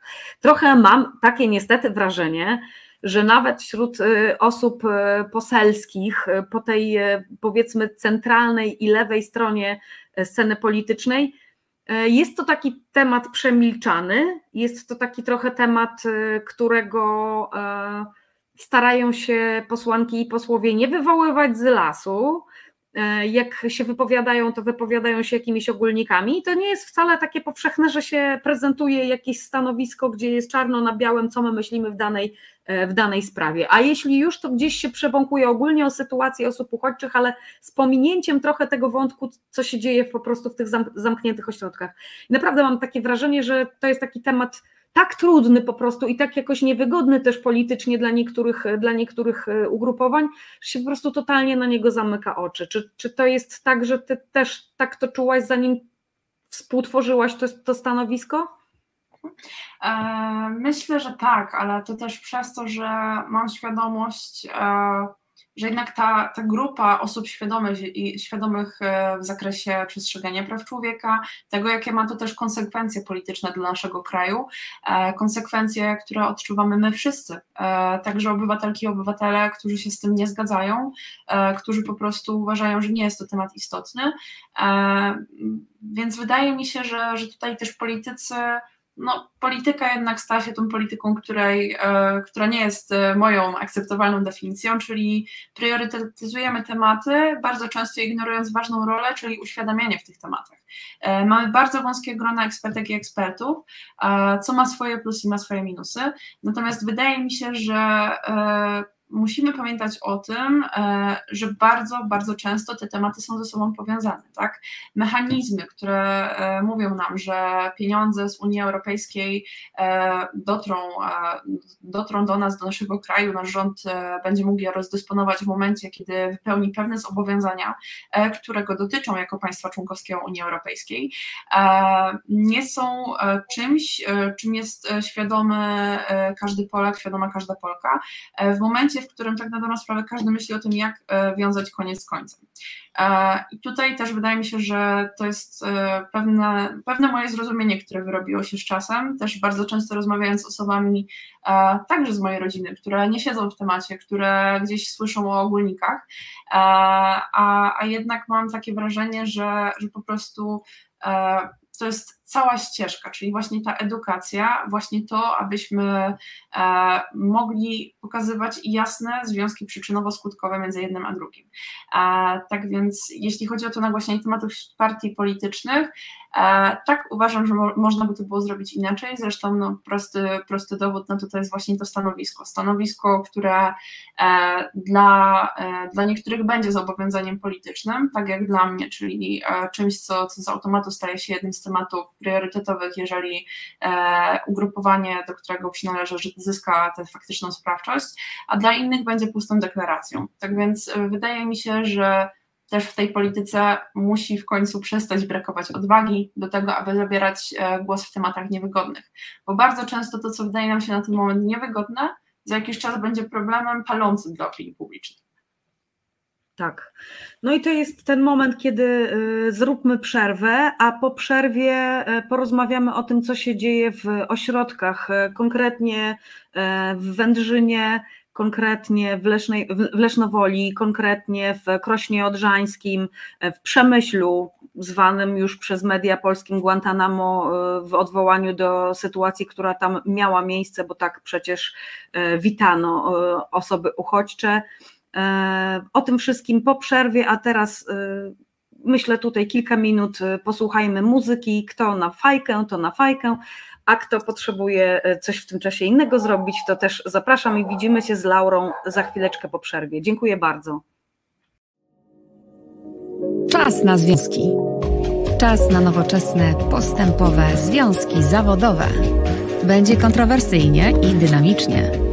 Rozmawiamy o sprawach, które mogą nas łączyć lub dzielić, jak na przykład kwestia wysokości podatków czy rola związków zawodowych. W programie pojawią się eksperci rynku pracy oraz związkowcy i związkowczynie. Każdą środę na 17 Piotr Szumlewicz zaprasza do Resetu Obywatelskiego. Witam po przerwie w programie To jest wojna. Już za momencik, o widzę, jest z nami gościni. E, po przerwie witam Cię Lauro. Laura Kwoczała z nami. E, I dla tych, dla tych z Państwa, którzy e, nie oglądali być może pierwszej części albo nie oglądali samej, samego początku naszej dzisiejszej rozmowy, przypomnę tylko Laura Kwoczała, aktywistka na rzecz praw człowieka, ale także polityczka już w tej chwili tutaj reprezentująca dzisiaj ugrupowanie Zieloni kierowniczka, w zasadzie dyrektorka do spraw politycznych y, biura posła Tomasza Aniśko. No, y, jak to podsumowałam w pierwszej części, w dwa lata naprawdę y, duża droga aktywistyczna pokonana i to jest taki moment, kiedy chciałabym Państwu pokazać te zdjęcia, o których jakoś żeśmy się zagadały i ja trochę zapomniałam w tej pierwszej części. Popatrzcie Państwo, to są te rzeczy, te, te, te, te sytuacje, z których możecie Laurę znać i być może część z Państwa nawet nie kojarzyła, że to jest właśnie ta osoba. E, tutaj mamy już Laurę jako, jako w zasadzie e, polityczkę zielonych. E, zdjęcie z protestu. Czy ty taką siebie jeszcze pamiętasz? A tutaj już, no widać, tutaj już poważnie bardzo wyglądasz, jako osoba, która reprezentuje posła RP. Zobaczmy, co będzie dalej. Tutaj widzę ze znaczkiem Wolna Szkoła, to też e, jest ten ruch, w który ty jesteś zaangażowana. E, no, państwo kojarzą na pewno walkę z ministrem Czarnkiem o dobrą edukację. Tutaj to jest, zdaje się, z, z telewizji Screen ta, ta pierwsza demonstracja, po której tak pierwszy raz cię zrepresjonowano, czyli Solidarnościówka tutaj ze Stop Bzdurą i Murem za Margo e, tak, to jest, to jest zamaskowana Laura. Co prawda nie widać twarzy, ale my tutaj Państwu możemy potwierdzić, że to jest ona. Tak. E, no i tak wyglądałaś. Tutaj to jeszcze w zasadzie taka e, nastolatka, licealistka. E, teraz już tutaj poważna pani polityczka. Anarchistka, widzę tutaj napis anarchia, proszę Państwa. No, I taką właśnie młodą osobę ścigało nasze polskie prawo i jego, i jego instytucje i chciało na nawet 8 lat posadzić za kraty za rzekome narażanie ludzi na, na, na wirusa COVID-u. No cieszę się, że cieszę się, że z tego wszystkiego wyszłaś obronną ręką. Tutaj to jest zdjęcie, które akurat było na profilu Zielonych. Zieloni bardzo się cieszyli w momencie, kiedy ty zostałaś miejską radną. Młodzieżowa Rada Miasta. Wszystko to naprawdę kondensacja w ciągu trzech lat ci się przydarzyło. Intensywnie. Tak, ale widać już też naprawdę taką ewolucję Twoją, bo dzisiaj, jak rozmawiamy, tutaj Twoje właśnie wypisane postulaty, kiedy kandydowałaś do tej Młodzieżowej Rady Miasta, dzisiaj już jak Państwo słyszą, no rozmawiamy z poważną osobą, która się zajmuje bardzo poważnymi sprawami. To jest ten moment taki, żeby, żeby też docenić to, że w państwo, ja wiem, że to oczywiście trochę czarny humor jest i trochę sarkazm, ale proszę docenić to, jak państwo nasze polskie daje takiej zdolnej młodzieży szansę i, i, i możliwości do tego, żeby się w błyskawicznym tempie obywatelsko po prostu rozwinąć do takiego, do takiego mam nadzieję poziomu, że za chwileczkę, być może już w następnych wyborach nie, nie, będziesz dyrektorką do spraw politycznych biura, tylko sama po prostu zasiądziesz w tych sejmowych ławach. No i tutaj obrazek, który Laura mi przed samiuteńkim rozpoczęciem programu przysłała, który idealnie obrazuje sytuację z uchodźcami. Laura, powiedz, czemu akurat to zdjęcie? Dlatego, że to jest rysunek jednego z uchodźców, który przybywał w ośrodku zamkniętym. Narysowany z tego co wiem dwa tygodnie temu, po tym jak rozpoczęła się wojna. A rysunek, który właśnie pokazała Karolina, o której wspomniałam, na konferencji prasowej w Sejmie, wydaje mi się, że ciężko bardziej wymowny obrazek, bo to pokazuje po prostu, jak są traktowani inni uchodźcy w, w, naszym państwie, ale co warto podkreślić, nie tylko, dlatego że wśród uchodźców z Ukrainy znajdowały się także osoby, które w Ukrainie przebywały, nie mając na przykład zezwolenia na stały pobyt obywatelstwa, e, będąc na wymianie, na stażu, e, czy też po prostu z, z, innego powodu. I te osoby bardzo często po prostu na podstawie koloru skóry były e, już po przekroczeniu granicy odsyłane do zamkniętego ośrodka, do strzeżonego ośrodka, więc wydaje mi się, że, że więcej mówić nie trzeba, skoro na granicy wystarczył, wystarczyła jedynie ocena koloru skóry po tym, kto może liczyć liczyć na dalszą pomoc, oddolną pomoc przede wszystkim od e, obywatelek i obywateli, a kto e, spędzi kilka, kilkanaście miesięcy w detencji w zamknięciu. Tak. To jest sprawa, która, dziękuję bardzo Maćku za to zdjęcie, to jest taka sprawa, która gdzieś u nas też już wcześniej w tych programach, e, które dotyczyły pomaganiu właśnie uchodźcom z Ukrainy wybrzmiała, że no, choćbyśmy nie chcieli, żeby tak było i też czasami zamykamy oczy i nie chcemy mówić i myśleć o tym, że takie rzeczy się zdarzały, no to nie ma, nie ma co ukrywać, że ten kolor skóry na granicy z Białorusią grał rolę i niestety osoby e, niebiałe e, były traktowane inaczej i już na przejściach granicznych po obu stronach, cokolwiek byśmy tutaj chcieli powiedzieć, to co się wydarzało po obu stronach, bo i po stronie ukraińskiej, i po stronie polskiej, były też często inaczej traktowane przez te osoby, które oddolnie właśnie jeździły po to, żeby gdzieś tam przetransportować e, te osoby do dalej w głąb, w głąb Polski. Są takie organizacje, są takie NGOsy, które konkretnie zajmują się, e, zajmują się pomocą. I, I faktycznie musiały interweniować wielokrotnie. Przepraszam, tu był ten moment, kiedy próbowałam sobie nazwę przypomnieć, ale jeżeli mam pomylić, to lepiej, lepiej nie powiedzieć. Są po prostu NGOsy, które jeździły e, na granicę bo wiedziały, że pewne osoby nie zostaną po prostu z, z tego przejścia granicznego zabrane do samochodu, więc, więc brały osoby po prostu o, o innych kolorach skóry niż białe. Był też problem z na przykład ludnością romską. Też te osoby gdzieś nie, nie były po prostu zabierane do aut albo też trafiały do ośrodków. Proszę Państwa, no niestety Kiedyś tutaj wybrzmiało gdzieś w Państwa komentarzach, że, że to jest, pokazuje po prostu, że w Polsce dalej jest rasizm. No i to jest też ważna rzecz, że my często jakby tak ostro stawiamy tą granicę. Tutaj, e, tutaj jest Ukraina, tu pomagamy, a tutaj jest Białoruś i tu jest zupełnie inaczej. Jakieś pojedyncze osoby pomagają, ale ogólnie jako kraj nie pomagamy. Natomiast tutaj Laura wskazałaś dokładnie taki przypadek, o którym też trzeba pamiętać, że były takie osoby, które po prostu z granicy ukraińskiej trafiły też do ośrodka zamkniętego, właśnie dlatego, że były innego koloru skóry niż ten, który nam się z Ukrainą po prostu kojarzy. I e, to jest chyba pierwszy raz, kiedy u nas na, na antenie to wybrzmiało. Także bardzo Ci dziękuję za to, że to powiedziałaś, że to nazwałaś, bo myślę, że dla, dla tak samo jak i dla mnie, tak i, tak i dla większości oglądających osób i słuchających nas, to może być pierwsza taka sytuacja, kiedy ktoś to po prostu powiedział, że z ukraińskiej granicy też osoby trafiają do tych, e, do tych ośrodków, w których są osoby głównie transportowane z granicy z Białorusią. Tak. E, też wydaje mi się, że to co istotne, to e, prześmiewczo tutaj akurat służby używały określenia studenci z Ukrainy.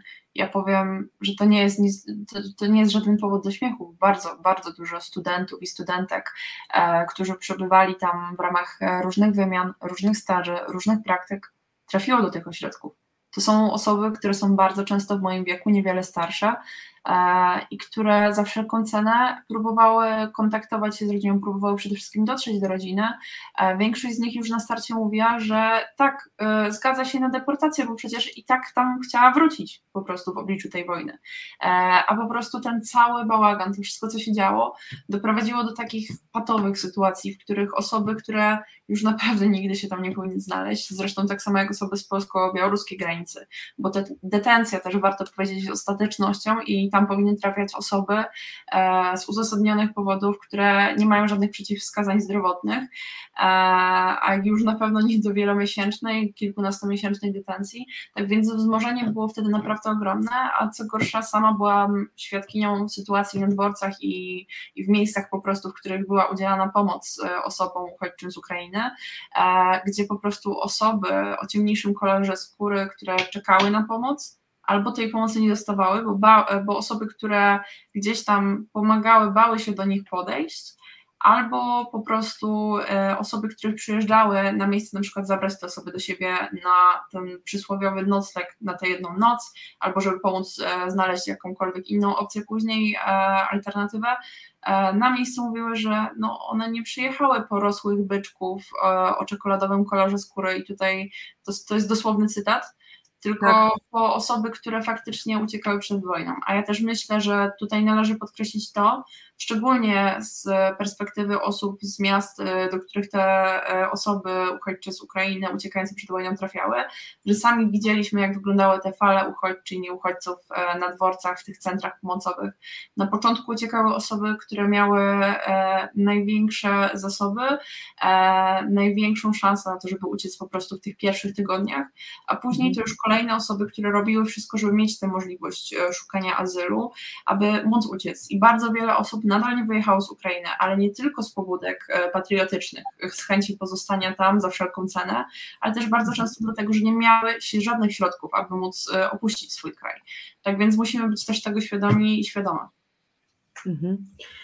Ja tutaj jeszcze o jednej rzeczy chciałam powiedzieć, która e, wybrzmiała na koniec naszego, na koniec pierwszej części naszego programu, a tutaj jest, jest też komentarz taki na czacie, E, myśmy rozmawiały na koniec o tym, że, e, że w ogóle zajmujemy się tą, tą e, sytuacją osób w ośrodkach i tutaj pan Waldek pyta, pani Dominiko, gdzie pani żyje? Kogo to interesuje w perspektywie obecnej drożyzny? Mamy przed sobą widmo zimy bez drogiego węgla, gazu i prądu.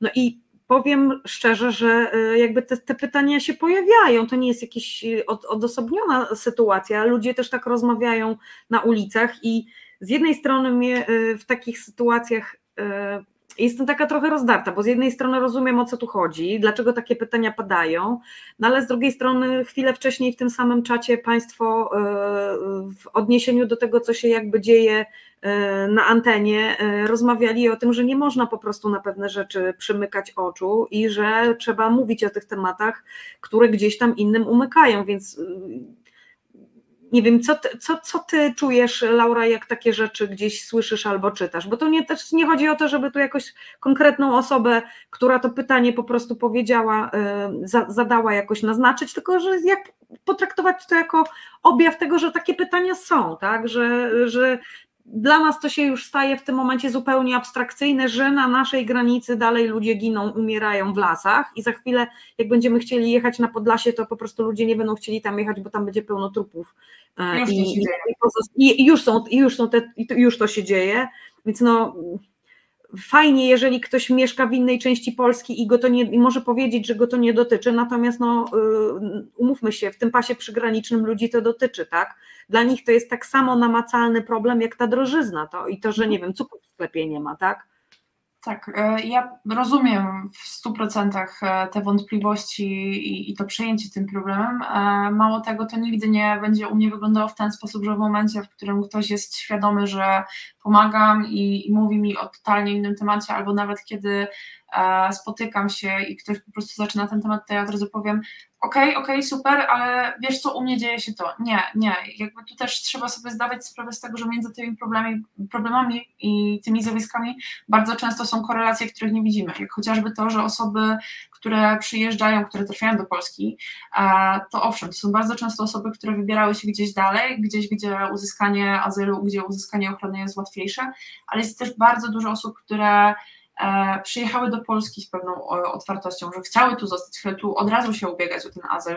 Mało tego, chciały zasilić po prostu nasz rynek pracy. E, I to też widać po prostu, e, było widać w przypadku osób z Ukrainy, które bardzo często wrzucały wpis szukam pracy, E, dlatego że chcę jak najszybciej wynająć mieszkanie. Nie, nie szukały od razu jakiegokolwiek roku, tylko już myślały, jak ułożyć to życie tak, żeby nie mieć e, w swojej głowie oczywiście żadnego długu społecznego, żadnej, żadnego długu wdzięczności u kogokolwiek. Tak więc e, tutaj taka jedna dosyć nieoczywista i dosyć rozległa strona problemu. Natomiast właśnie co do tej granicy i bardzo dziękuję, że o tym wspomniałaś, dlatego że ten temat związany z lokalsami, z osobami, które tam mieszkają jest bardzo istotny szczególnie kiedy była to szeroka strefa zamknięta, tak zwana zona, szczególnie mhm. kiedy ludzie już tam e, rok, e, rok temu, kilka miesięcy temu e, bali się tego, o czym Pan teraz pisze, że nie będą w stanie prowadzić swoich działalności gospodarczych, bo osoby, które te działalności zasilały, które po prostu generowały pewien popyt, już nie przyjeżdżały, bo nie miały takiej możliwości lub też pewne usługi były zablokowane, jak na przykład usługi turystyczne, tak, no bo kto pójdzie do lasu, w którym może napotkać się na Straż Graniczną, która zaraz go odeśle. Bardzo mhm. wiele osób to podkreślało, bardzo wiele osób apelowało do polityczek i polityków o to, żeby cokolwiek z tym zrobili. A ja tutaj jeszcze przytoczę jedną historię. E, jest wśród tych osób e, na granicy, mieszkających na granicy, wiele osób, które pomagają, ale jest także 15-letni Mateusz, który wczoraj założył zresztą zrzutkę na to, żeby móc skutecznie pomagać, który już teraz pomógł około 400 osobom razem ze swoją mamą, którego życie zmieniło się całkowicie.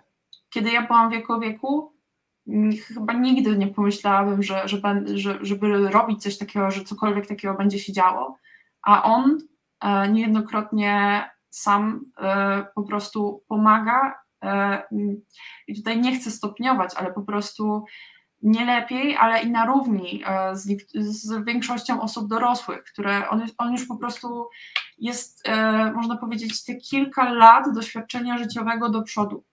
I, i wydaje mi się, że to też jest sytuacja, e, o której mi jest bardzo ciężko mówić, że przede wszystkim dzieci i młodzież z, z Podlasia, z granicy, musiały bardzo szybko dorosnąć, musiały zmierzyć się z realiami, z którymi w normalnym kraju nigdy by się nie zmierzyły, bo do takiej sytuacji by nie doszło, że chodzą po lesie e, i natykają się na obrazy, e, które zostaną z nimi do końca życia. Tak więc musimy też być tego świadomi.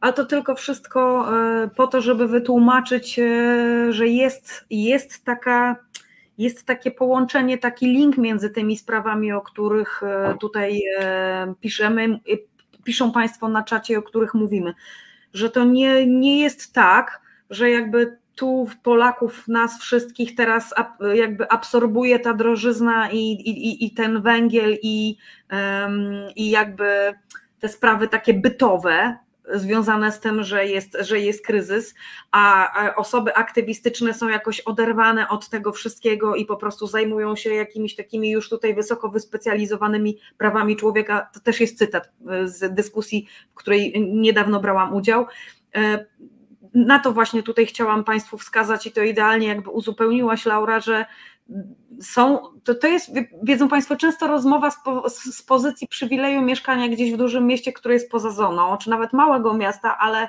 które znajduje się poza właśnie tym, tym pasem przygranicznym, bo dla osób, tak, tak jak powiedziałam, dla osób, które w tym pasie przy granicy mieszkają, absolutnie to są, to nie są rzeczy rozdzielne, tak jak dla kogoś, kto kto jest daleko od tej granicy i gdzieś tam być może ogląda w mediach e, coś, coś jakieś informacje do niego się przebijają, ale na tyle to go nie dotyczy bezpośrednio, że można sobie to jakoś w te przegródki w głowie poukładać, że mnie tutaj zajmuje w tym momencie drożyzna i nie wiem, to co mówi Kaczyński w tym momencie danego dnia, co tam za hasło nie rzuci, natomiast tamte sprawy gdzieś są daleko ode mnie. Dla części osób też Polek i też Polaków, to nie są rzeczy rozdzielne, bo to, jak drogie jest na przykład, e, nie wiem, e, jak drogie jest jedzenie w tym momencie, e, to też wiąże się z takim pytaniem, za te same pieniądze, co jeszcze miesiąc temu mogłam kupić siatę rzeczy i z nimi iść do lasu, teraz kupię tylko pół siatki tych rzeczy, tak? I na przykład nie, nie, nie kupię pożywienia dla 10 osób w lesie napotkanych, a zaledwie wystarczy mi dla trzech osób, tak? Więc e, są takie, są takie po prostu sytuacje, że to absolutnie nie jest rozdzielne. Tak samo jak te osoby, które mm, no ze względu na to, co się, co się wydarzyło po prostu i co się dalej dzieje w lasach e, przygranicznych i w tych terenach, na których już nie ma zony, ale dalej tam ludzie po prostu nie jeżdżą, bo nie chcą, bo wiedzą, co tam w tych lasach e, się dzieje i co ich może spotkać. E, te osoby straciły po prostu w tym momencie źródło, źródło dochodu e, i, i mają absolutnie w kosmos wysadzoną sytuację bytową, tak samo jak wcześniej niektórych z nas poszkodowała po prostu pandemia. I, I o tym nie możemy zapominać, że to, co tam się dzieje, to jest właśnie coś, co sprawia, że się bardzo przyziemnymi rzeczami te osoby muszą zająć, czyli na przykład tym, za co ja mam kupić jedzenie dla swoich dzieci, tak? Albo za co mam opłatę e, zapłacić. Więc e, dla tych osób to, co się dzieje w tych takich e, kwestiach, które ktoś tam kiedyś w rozmowie ze mną nazwał no, tą niszą aktywistyczną, prawno-człowieczą, bardzo wysublimowaną, dla tych osób, które tam mieszkają, absolutnie nie jest to jakaś kwestia z, z kosmosu i abstrakcyjna i jakaś daleka, odległa, bo to jest ich po prostu życie, tak? Więc myślmy o tym, że no, jakby często na to, jak myślimy i jak postrzegamy pewne rzeczy, wpływa po prostu to, gdzie mieszkamy. Czy to jest duże miasto, czy to jest małe miasto i czy to akurat w tym momencie jest przy granicy z Ukrainą, czy przy granicy z Białorusią, czy nie jest. I, e, I tylko tyle o to proszę, żebyśmy mieli troszeczkę więcej jakby tej elastyczności i otwartości e, na, e, na to, co nas absorbuje i, i czym żyjemy, bo to naprawdę jest często kwestia względna i od wielu rzeczy zależna. No a teraz jakby już wracając do tego tematu ośrodków, bo na moment od niego odeszłyśmy, ale jakby dalej w temacie uchodźczym będąc, jak ty widzisz tą sytuację w ośrodkach, jak tam teraz jest i co możemy zrobić, żeby było lepiej? Co możemy zrobić pod takim względem systemowym? E, na co naciskać? Zbliżają się wybory, więc e, możemy, to jest ten moment, kiedy my możemy cisnąć osoby polityczne i całą tą klasę polityczną, e, żeby do pewnych rzeczy te osoby po prostu zobligować. A co możemy zrobić jako takie normalne, cywilne osoby, które siedzą gdzieś w domu, siedzą w tej chwili na przykład przed, przed laptopem i by chciały pomóc, a nie do końca wiedzą, co można zrobić dla tych osób w ośrodkach. E, wydaje mi się, że przede wszystkim tutaj kluczowe są zmiany systemowe, bo owszem, już nieraz pokazaliśmy, że potrafimy zbudować alternatywny system, który składa się z nas, e, ale z wieloma problemami e, sobie nie poradzimy tak, jak poradziłby sobie system, więc od systemu zacznę, bo, bo on tutaj generuje najwięcej tych problemów. Więc jeżeli spojrzymy na ośrodki, są one bardzo zróżnicowane. Mamy ośrodek w Lesznowoli, który Straż Graniczna na swoich zdjęciach i w opowieściach, w, e, w rozmowie z posłami przedstawia jako hotel lepszy niż niejednokrotnie mieli Państwo okazję widzieć. Mm, na zdjęciach, które udostępnia w sieci, możemy znaleźć uchodźców bardzo szczęśliwych, że korzystają z zajęć okay. być może było, była to dobrze uchwycona chwila, być może były chwile e, bardzo szczęśliwe dla tych osób tam, e, a ja z drugiej strony pamiętam chwile, w których e, do Kurdów strajkujących głodowo od ponad miesiąca musieliśmy krzyczeć słowa wsparcia z drabiny z zapłotą. To była jedyna opcja kontaktu z nimi, bo ja nawet nie byłam dopuszczona, mówię nawet dlatego, że no tutaj korzystając z tej funkcji asystenta społecznego posła bądź posłanki, możemy przeczytać w rozporządzeniu do ustawy, że to poseł określa w, i na jakich zasadach asystenci wykonują te obowiązki w momencie, kiedy poseł jest z innego okręgu, mm, no to tutaj akurat próbowaliśmy, skoro mieszkam w Warszawie, więc stosunkowo blisko Lesznowoli, zadziałać od razu. Zresztą ja dla osób, które z tej głodówki, z tego strajku głodowego wychodziły, wspólnie z Marią, e, która działa jako psycholożka dla, e, dla uchodźczyń i uchodźców, miałyśmy zakupione nutridrinki i elektrolity, czyli coś, co jest bardzo podstawowe w momencie, kiedy mamy do czynienia z osobami, u których zmiany w organizmie po ponad miesiącu niejedzenia są bardzo, bardzo ciężkie. Natomiast kończyło się to w ten sposób, że no niestety e, nie można tam e, wnosić jedzenia. Mm, to jest żywność medyczna, aczkolwiek myślałam, że tutaj po prostu, e, skoro też pan dyżurny mi odpowiadał, że uchodźcy mogą zakupić jedzenie, no to wydaje mi się, że problemem nie jest przekazanie oryginalnie zapakowanych, zaplombowanych środków, także na ich życzenie, także mając ich pełnomocnictwa, które mnie upoważniały do kontaktu z nimi i do, do po prostu spełniania ich próśb. Natomiast cała ta sytuacja pokazała mi, jakie to wszystko jest kuriozalne. I tutaj też e, zdradzę mm, jeden istotny szczegół. W momencie, w którym jeden z chłopaków nie wytrzymał tego strajku i został przewieziony do szpitala e, nieopodal e, w stanie ciężkim, to nad jego łóżkiem w kluczowym momencie siedziało, stało trzech funkcjonariuszy Straży Granicznej i dwóch funkcjonariuszy policji. Na sorze, na sali, gdzie leżeli inni pacjenci, inne pacjentki. I to jest sytuacja, e, o której ja słysząc i którą też zresztą widząc w momencie, kiedy funkcjonariusz Straży Granicznej e, zamknął mi drzwi e, i lekarce, która też potrzebowała pilnie dostać się do sali, przed wprost przede mną, przed twarzą, e, a potem za pomocą pielęgniarki odmówił mi podania swoich danych, o które poprosiłam do interwencji poselskiej, bo chciałam e, wskazać e, dokładny moment w piśmie, w którym ja byłam w tym szpitalu i byłam bezpośrednim świadkiem, świadkinią tych wydarzeń, bo uznał, że nie ma na to ochoty. E, też bardzo tutaj jednak widzimy te braki systemowe, że e, także lekarki i lekarze nie są świadomi swoich praw, tego o co mogą walczyć, bo, bo w tej sytuacji wystarczyło powiedzieć: Rozumiem panowie, że macie obowiązki, i, i tym obowiązkiem, zgodnie z obecnym porządkiem prawnym, który no, jest jednak dziurawy i można by było, było go zmienić, ale to już sprawa dla innego rządu, e, możecie usiąść na korytarzu przy sali, dlatego że nie ma opcji, żeby ta osoba nagle wyskoczyła z okna, zrobiła cokolwiek, co komukolwiek zagraża a broń, e, którą zresztą te osoby miały cały czas przy sobie, były w pełnym umundurowaniu, możecie złożyć do depozytu, bo no, szpitale są jednak na takie okoliczności przygotowane. E, I tutaj musiałyśmy wszystko tak na dobrą sprawę z Marią, która też bardzo dobrze zna te przepisy, tłumaczyć.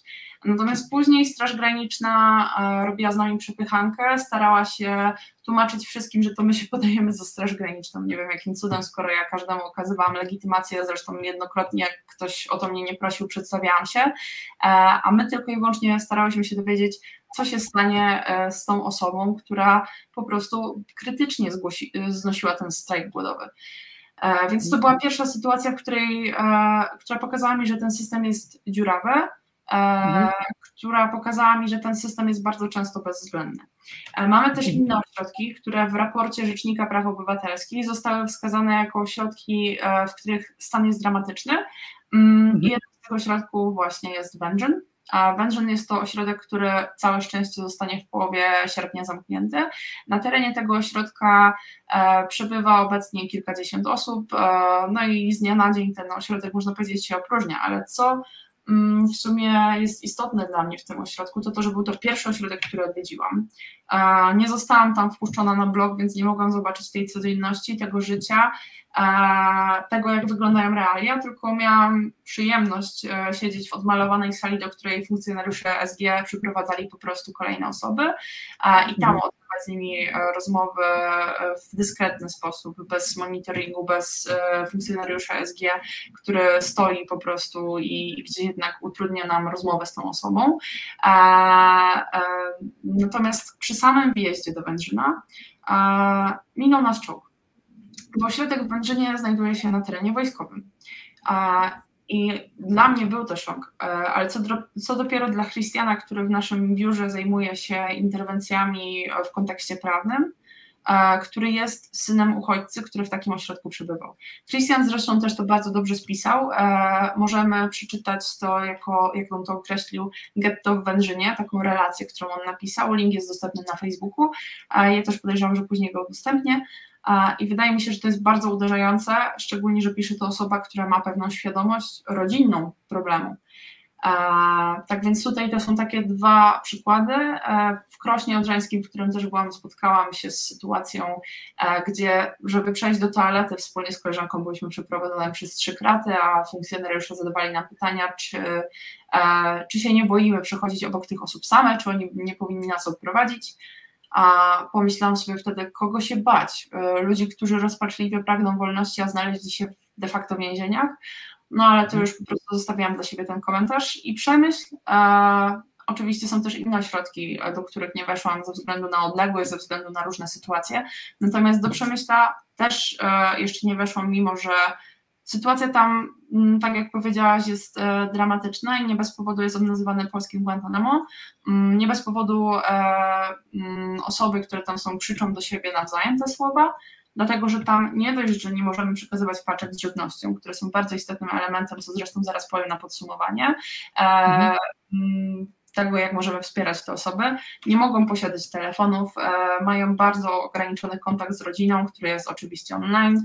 E, często jest problem z widzeniami i często jest problem z przemocą. E, na ten moment no, słyszeliśmy o historiach, o, przy, o przypadkach, w których użyto paralizatora na osobie, która po prostu nie chciała być szturchana, czy też jadła za długo. Więc tutaj problem jest naprawdę systemowy.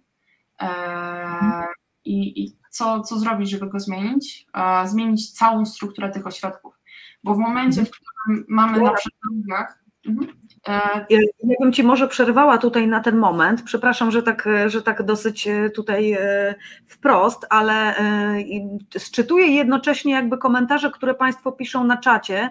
I tutaj a propos tej sytuacji, którą, którą Ty opowiadałaś z, z próbą dostania się do osoby, której, no, która po prostu miała udzielaną pomoc medyczną, tutaj Charlie pisze na, w komentarzach, ja bym to chyba chciała trochę wyklarować, bo Mam wrażenie, że, że coś nie zrozumieliśmy się z Charlim, bo e, jakby Laura mówiła wyraźnie o tych problemach systemowych w kontakcie chociażby z tymi osobami, jakby ten aspekt tutaj e, pokazywała, natomiast e, nie chodziło tutaj mm, jakby o to, jakie są warunki, że te osoby coś miesiąc nie, nie dostawały do jedzenia, czy nie dostawały opieki medycznej, więc to nie jest kwestia tego, czy tu coś jest naciągane z całym szacunkiem, jak zostało napisane, bo jakby Laura o czym innym, a tutaj jest o czym innym w tym komentarzu, tak? Dojdziemy do tego i dlatego tutaj zatrzymałam Cię tak, tak dosyć e, ostentacyjnie, żeby, żeby nawrócić do tego, żeby to wyklarować, E, bo co innego, jak mówimy o tym, że nie można się było dostać i że to pokazuje systemowy problem e, z jakby e, blokowania dostępu do tych osób, a co innego, jak mówimy o warunkach bytowych. I owszem, oczywiście te głodówki były podejmowane przez osoby z ośrodków z własnej nieprzymuszonej woli w jakby geście protestu, tak? To było w ramach protestu. Natomiast mówimy o czymś w tym momencie zupełnie innym i to chyba stąd to niezrozumienie, ale to też pokazuje mi, żeby może dobrze było wrócić do tego, jakie są warunki faktycznie w tych, w tych ośrodkach, żeby mhm. wspomnieć, wspomnieć o tym tak ogólnie i dopiero potem przejść może do tych konkretów takich, co w poszczególnych, co w poszczególnych tych ośrodkach, bo tutaj jakieś niezrozumienie może się wkraść. Jedno ja powiem Państwu tylko, co tutaj mogę z danych wyciągnąć. Dwa metry kwadratowe na osobę, a w niektórych tych ośrodkach nawet tyle nie ma na osobę, co oznacza, że w więzieniu jest więcej przestrzeni i to są dane z raportu RPO o uchodźcach w ośrodkach zamkniętych. 150-200 osób do jednego sanitariatu. E, to też jest przykład, który jest właśnie w raporcie e, profesora Marcina Wiązka, Rzecznika Praw Obywatelskich.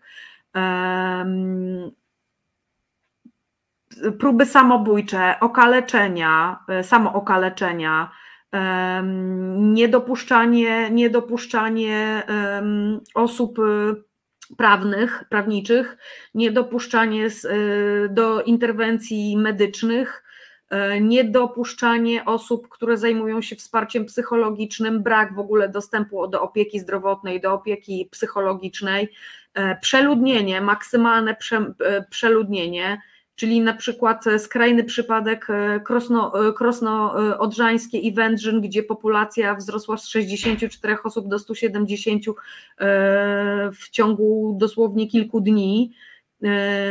No, o takich rzeczach mówimy te głodówki nie wzięły się z niczego i to, że, że uchodźcy mówili o tym, że jest tam gorzej niż w krajach ogarniętych wojną, albo że byli, są w gorszych warunkach, e, w gorszych warunkach przetrzymywani, bo nawet trudno powiedzieć, że przebywają, tylko są przetrzymywani w gorszych warunkach niż w więzieniach w tych krajach, z których uciekali, jako na przykład osoby represjonowane politycznie, tak? Więc e, mówimy o tych, e, o tych sytuacjach, tak? o próbach samobójczych podejmowanych przez osoby e, odcięte po prostu od świata i też traktowane po prostu w sposób e, agresywny i przemocowy w tych ośrodkach. Co, co ty byś dodała na uzupełnienie tego obrazu, który ja tutaj odmalowałam? Że faktycznie się trochę zagalopowałam, bo mówiłam o konkretach medialnych i o tym, o czym słyszymy bardzo często w naszej bańce. Natomiast właśnie te fakty, to wszystko jest nie tylko przedstawione w raporcie RPO, to wszystko też przedstawiamy, żeby nie były to informacje bez pokrycia na naszych profilach na Facebooku, e, na które zresztą też bardzo, e, bardzo często i chętnie zagląda Straż Graniczna, jak się okazało, mm, wstawiając zdjęcia, jak wyglądają racje żywnościowe e, bardzo prosty przykład. Wstawiliśmy, jak wyglądał jeden z posiłków. E, dwa mhm. jajka, kawałek warzywa, majonez, e, dwa razy sól zapakowane w taki pojemniczek e, cateringowy próżniowy. I to wszystko jak najbardziej widać. Natomiast tutaj też lubię się odnosić po prostu do konkretnych pytań. Jeśli chodzi o powód strajku, no właśnie, był to strajk głodowy, więc to nie było tak, że, że te osoby nie dostawały nic do jedzenia, tylko świadomie odmawiały posiłków, mhm. świadomie jakby się na to zgadzały w momencie, kiedy inni ich można powiedzieć, e, znajomi z ośrodka, bo, bo bardzo często tam się zawiązują konkretne znajomości, które zostają z nimi, e, które e, też umożliwiają potem znalezienie odpowiednich osób, które mogą pomóc komukolwiek. Mm, kiedy te osoby właśnie jadły, to te osoby decydowały się na strajk głodowy i go podtrzymywały tak długo. Czy jeśli chodzi o opiekę medyczną, no właśnie, no, no to też jest zresztą w raporcie wspomniane. I i o tym też mówiłam, e, zanim właśnie mnie sprostowałaś i wspomniałaś o tych właśnie ko konkretnych rzeczach, za co raz jeszcze wielkie dzięki. Mm, wydaje mi się, że musimy zwrócić uwagę na to, że w kontekście problemu systemowego to są problemy, które ciągną się od wielu lat, czyli mamy zatrudnione e, zatrudnione osoby w przetargach kilkuletnich, jak lekarz ośrodkowy, e, który bardzo często jest bezsilny wobec tego, co się tam dzieje. Bardzo często jawy są interwencje poselskie w konkretnych przypadkach z prośbą o to, aby ktoś e, mógł wybrać się do specjalisty. Bardzo często specjalista, za którego płaci sam z własnych pieniędzy, które posiada w depozycie. E, I bardzo często są to osoby, które naprawdę tej pomocy potrzebują. Osoby, które cierpią na nowotwory, na choroby przewlekłe, które potrzebują pilnej, mhm. interwencyjnej opieki medycznej, a nie ma szans na to, że ją otrzymają tak szybko. E, słyszeliśmy także o przypadkach, e, gdzie po prostu tym osobom daje się leki antyhistaminowe, niewskazane po prostu w ich sytuacjach, żeby tylko, nazwijmy to, zaleczyć problem, co kompletnie nie zalecza problemu, a może przynieść po prostu potem kolejne problemy, czy też właśnie o tej pomocy psychologicznej. I tutaj też się odniosę do tego właśnie, co jest w tym raporcie, że nie są wpuszczane osoby, które pomagają psycholożki i psycholodzy do ośrodków z jednego prostego powodu, bo jeżeli zajmuje się daną osobą psycholog ośrodkowy, do którego kolejki są kilkumiesięczne, mm, sama zresztą słyszałam z innej relacji, że bardzo często jest to osoba, która mówi tylko w języku polskim, więc sesja e, z takim psychologiem wygląda w ten sposób, że mamy osobę, która jest e, w 100% francuskojęzyczna i mamy psycholożkę, psychologa, który posługuje się językiem polskim. I tak wygląda ta rozmowa. E, no nie jest to pomoc, nie jest to interwencja. W momencie, w którym mamy psycholożki i psychologów z fundacji, osoby przygotowane do interwencji kryzysowych, które mogą pomóc, to te osoby nie są wpuszczane do ośrodków. I właśnie w tym jest cały problem, że E, uchodźcom i uchodźczyniom przysługuje prawo do wyboru lekarki, lekarza, e, opieki psychologicznej, mają do tego pełne prawo, które jest im, e, którego wykonywanie jest im utrudniane. A jeśli chodzi właśnie o, o ten powód niewpuszczenia psychologów, to wydaje mi się, że po prostu ryzyko podważenia opinii innego psychologa przez drugiego i to, że jest to podstawa do tego, aby walczyć o przeniesienie takiej osoby do ośrodka otwartego, czy też do innego ośrodka, w którym będą e, lepsze warunki. E.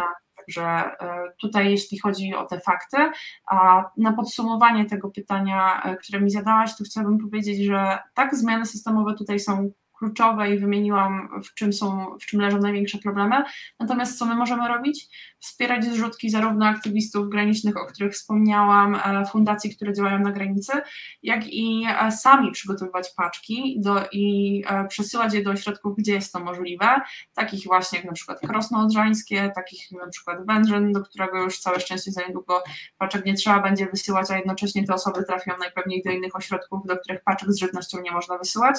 Mm, Możemy też wspierać te osoby poprzez wpłacanie na konkretne organizacje zadaniowe, które zajmują się opieką prawną, opieką psychologiczną, bo nawet w sytuacji, w której pełnomocnik czy prawnik, e, pełnomocnik, prawnik czy psycholog nie jest wpuszczany do ośrodka, to te osoby działają zdalnie, ale jednak no, to są osoby, o których już jak mówiliśmy, które bardzo często robią to wolontaryjnie lub też są zatrudnione i po prostu żyją e, od wypłaty do wypłaty, robią coś interwencyjnie, robią coś nie patrząc też na to, czy będą w stanie przeżyć za te pieniądze w kolejnym miesiącu, gdzie no, z inflacją, jak już wspomnieliśmy, mierzymy się wszyscy.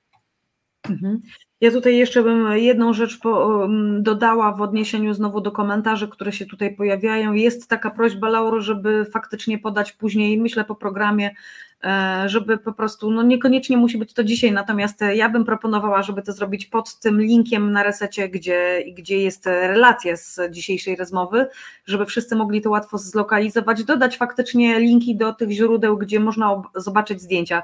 Ja trochę rozumiem, z czego to wynika, Mam wrażenie też, że, e, że jesteśmy na takim etapie jakby tego zmrożenia, zamrożenia takiego ze względu na taką e, dużą ilość traumatycznych, dramatycznych, e, bardzo mocnych jakby wydarzeń, że, że na tym etapie po prostu słowa nie robią takiego wrażenia jak zdjęcia. Więc jeżeli jest faktycznie możliwość taka, żebyś ty wrzuciła link. Oczywiście ja tutaj też postaram się Państwu wyszukać, wyszukać takie artykuły, które są e, opatrzone zdjęciami, bo te zdjęcia robią, robią wrażenie.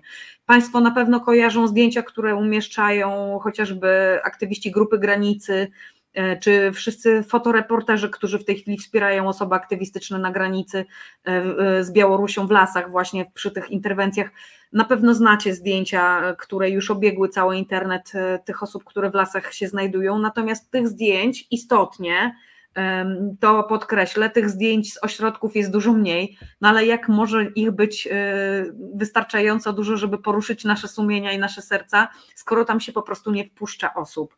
E, nie wpuszcza się reporterów, nie wpuszcza się fotoreporterów, nie wpuszcza się osób z telefonami, które mogłyby zrobić zdjęcia, nie wpuszcza się generalnie z tego, co tutaj i ja mówiłam, i Laura, nie wpuszcza się osób, które mogłyby też wynieść pewne informacje, jak tam jest.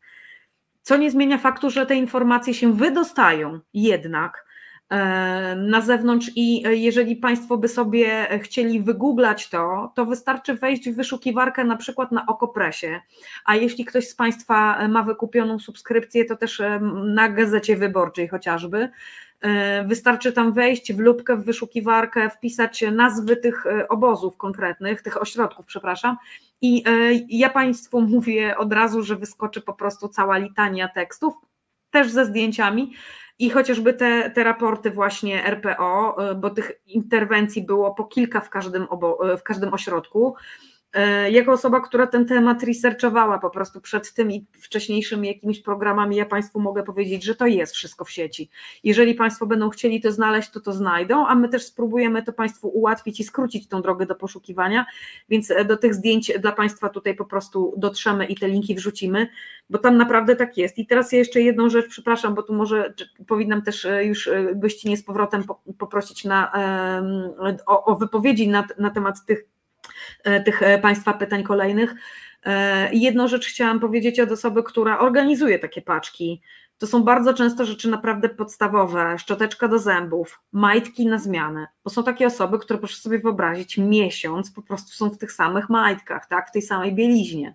I nic im nie wolno przekazać, i albo nie ma im kto po prostu tych rzeczy dostarczyć. I, i jest tam głód, E, tutaj padło takie stwierdzenie, ja mam nadzieję, że to tutaj taka już naprawdę mm, taki sarkazm jakiś i po prostu czarny humor był, że, że to, te, te racje, o których żywnościowych mówiłaś, Lauro, że to jest e, i tak lepiej niż w polskim szpitalu. No, ja wiem, że w polskich szpitalach bywa z tym jedzeniem strasznie, natomiast to nie zmienia faktu, że e, te osoby, które siedzą w ośrodkach, mają mieć gorzej. Bo skoro my mamy taki standard w polskich szpitalach, no to te osoby mają mieć gorzej, bo one są w ośrodkach dla uchodźców, tak? No mam nadzieję, że nie o to chodziło, naprawdę tak szczerze, uczciwie, z ręką na sercu mówię Państwu, że no mam nadzieję, że to nie o to chodziło tutaj w tym, w tym komentarzu. Natomiast, e, no, żeby to wybrzmiało, tam jest po prostu głód. No umówmy się, tam jest po prostu głód. Te osoby tam są głodne. I, tak. e, I są głodne, nie mają pomocy medycznej, często nie mają się w co przebrać, naprawdę e, siedzą w takich warunkach, że w więzieniach jest lepiej. W polskich więzieniach zdecydowanie więźniom, osobom kryminalistom, nie wiem, mordercom jest lepiej, po prostu jest lepiej, są w lepszych warunkach trzymane. Niech Państwo sobie wyobrażą, być może ktoś z Państwa był kiedyś na jakimś wielkim festiwalu na przykład i stał w 200-osobowej e, kolejce do Toytoja. Proszę sobie wyobrazić, że tam te osoby po prostu tak funkcjonują, bo na przykład w Wędrzynie taki był problem, że było w, pewnych momentach po 200 osób do sanitariatu po prostu. Niech Państwo to sobie wyobrażą. Do jednej muszli klozetowej 200 osób po prostu, tak? Um, jeśli ja mogłabym no, tutaj odpowiedzieć tak, na jedno pytanie. Tak, tak, tak. To już tak. może przejdźmy do tego.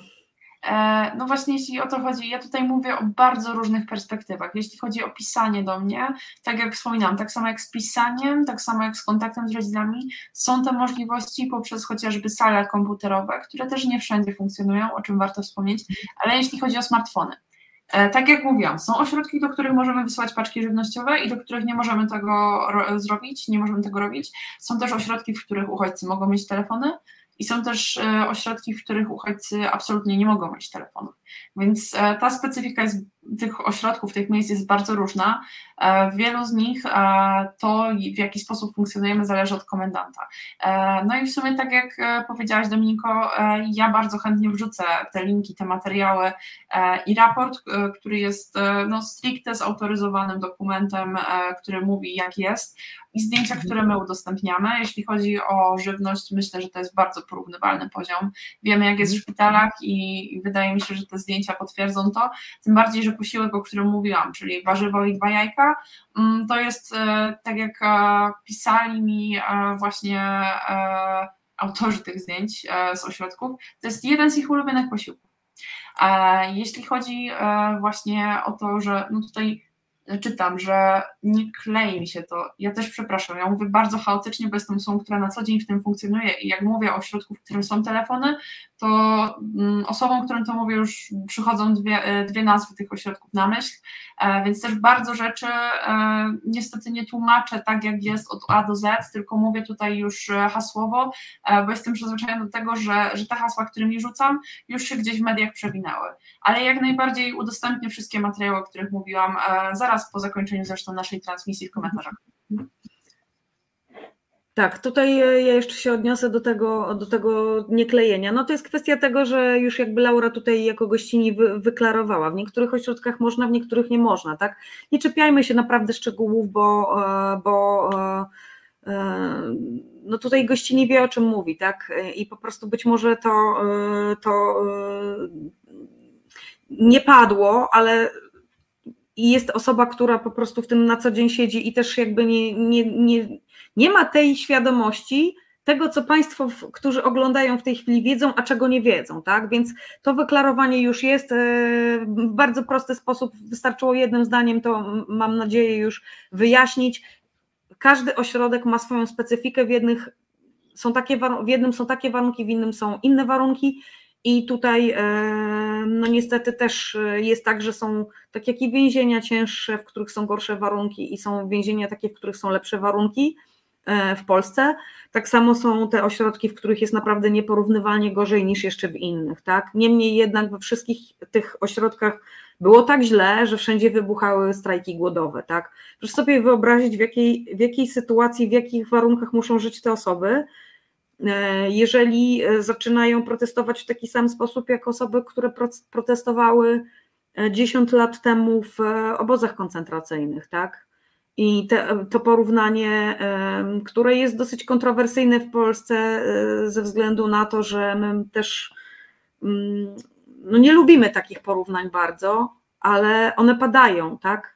Że nie tylko porównuje się do więzień, ale także porównuje się do obozów koncentracyjnych. Ja uważam e, po lekturze naprawdę wielu materiałów i tego raportu e, też sporządzonego przez Biuro Rzecznika Praw Obywatelskich, że to porównanie nie jest na wyrost natomiast e, faktycznie nie pisze się o tym aż tak dużo i nie ma tak dużo drastycznych zdjęć w obiegu, e, żeby to chyba jakoś się przedostało do takiej powszechnej już opinii, po prostu do takiego obiegu, e, jakby to powiedzieć, tego popularnego obiegu informacji po prostu, tak. No jednak ten temat przez media też jest jakoś tam przemilczany, chociaż są te chwalebne wyjątki, które e, nie przestają raportować na temat tego, co tam się dzieje.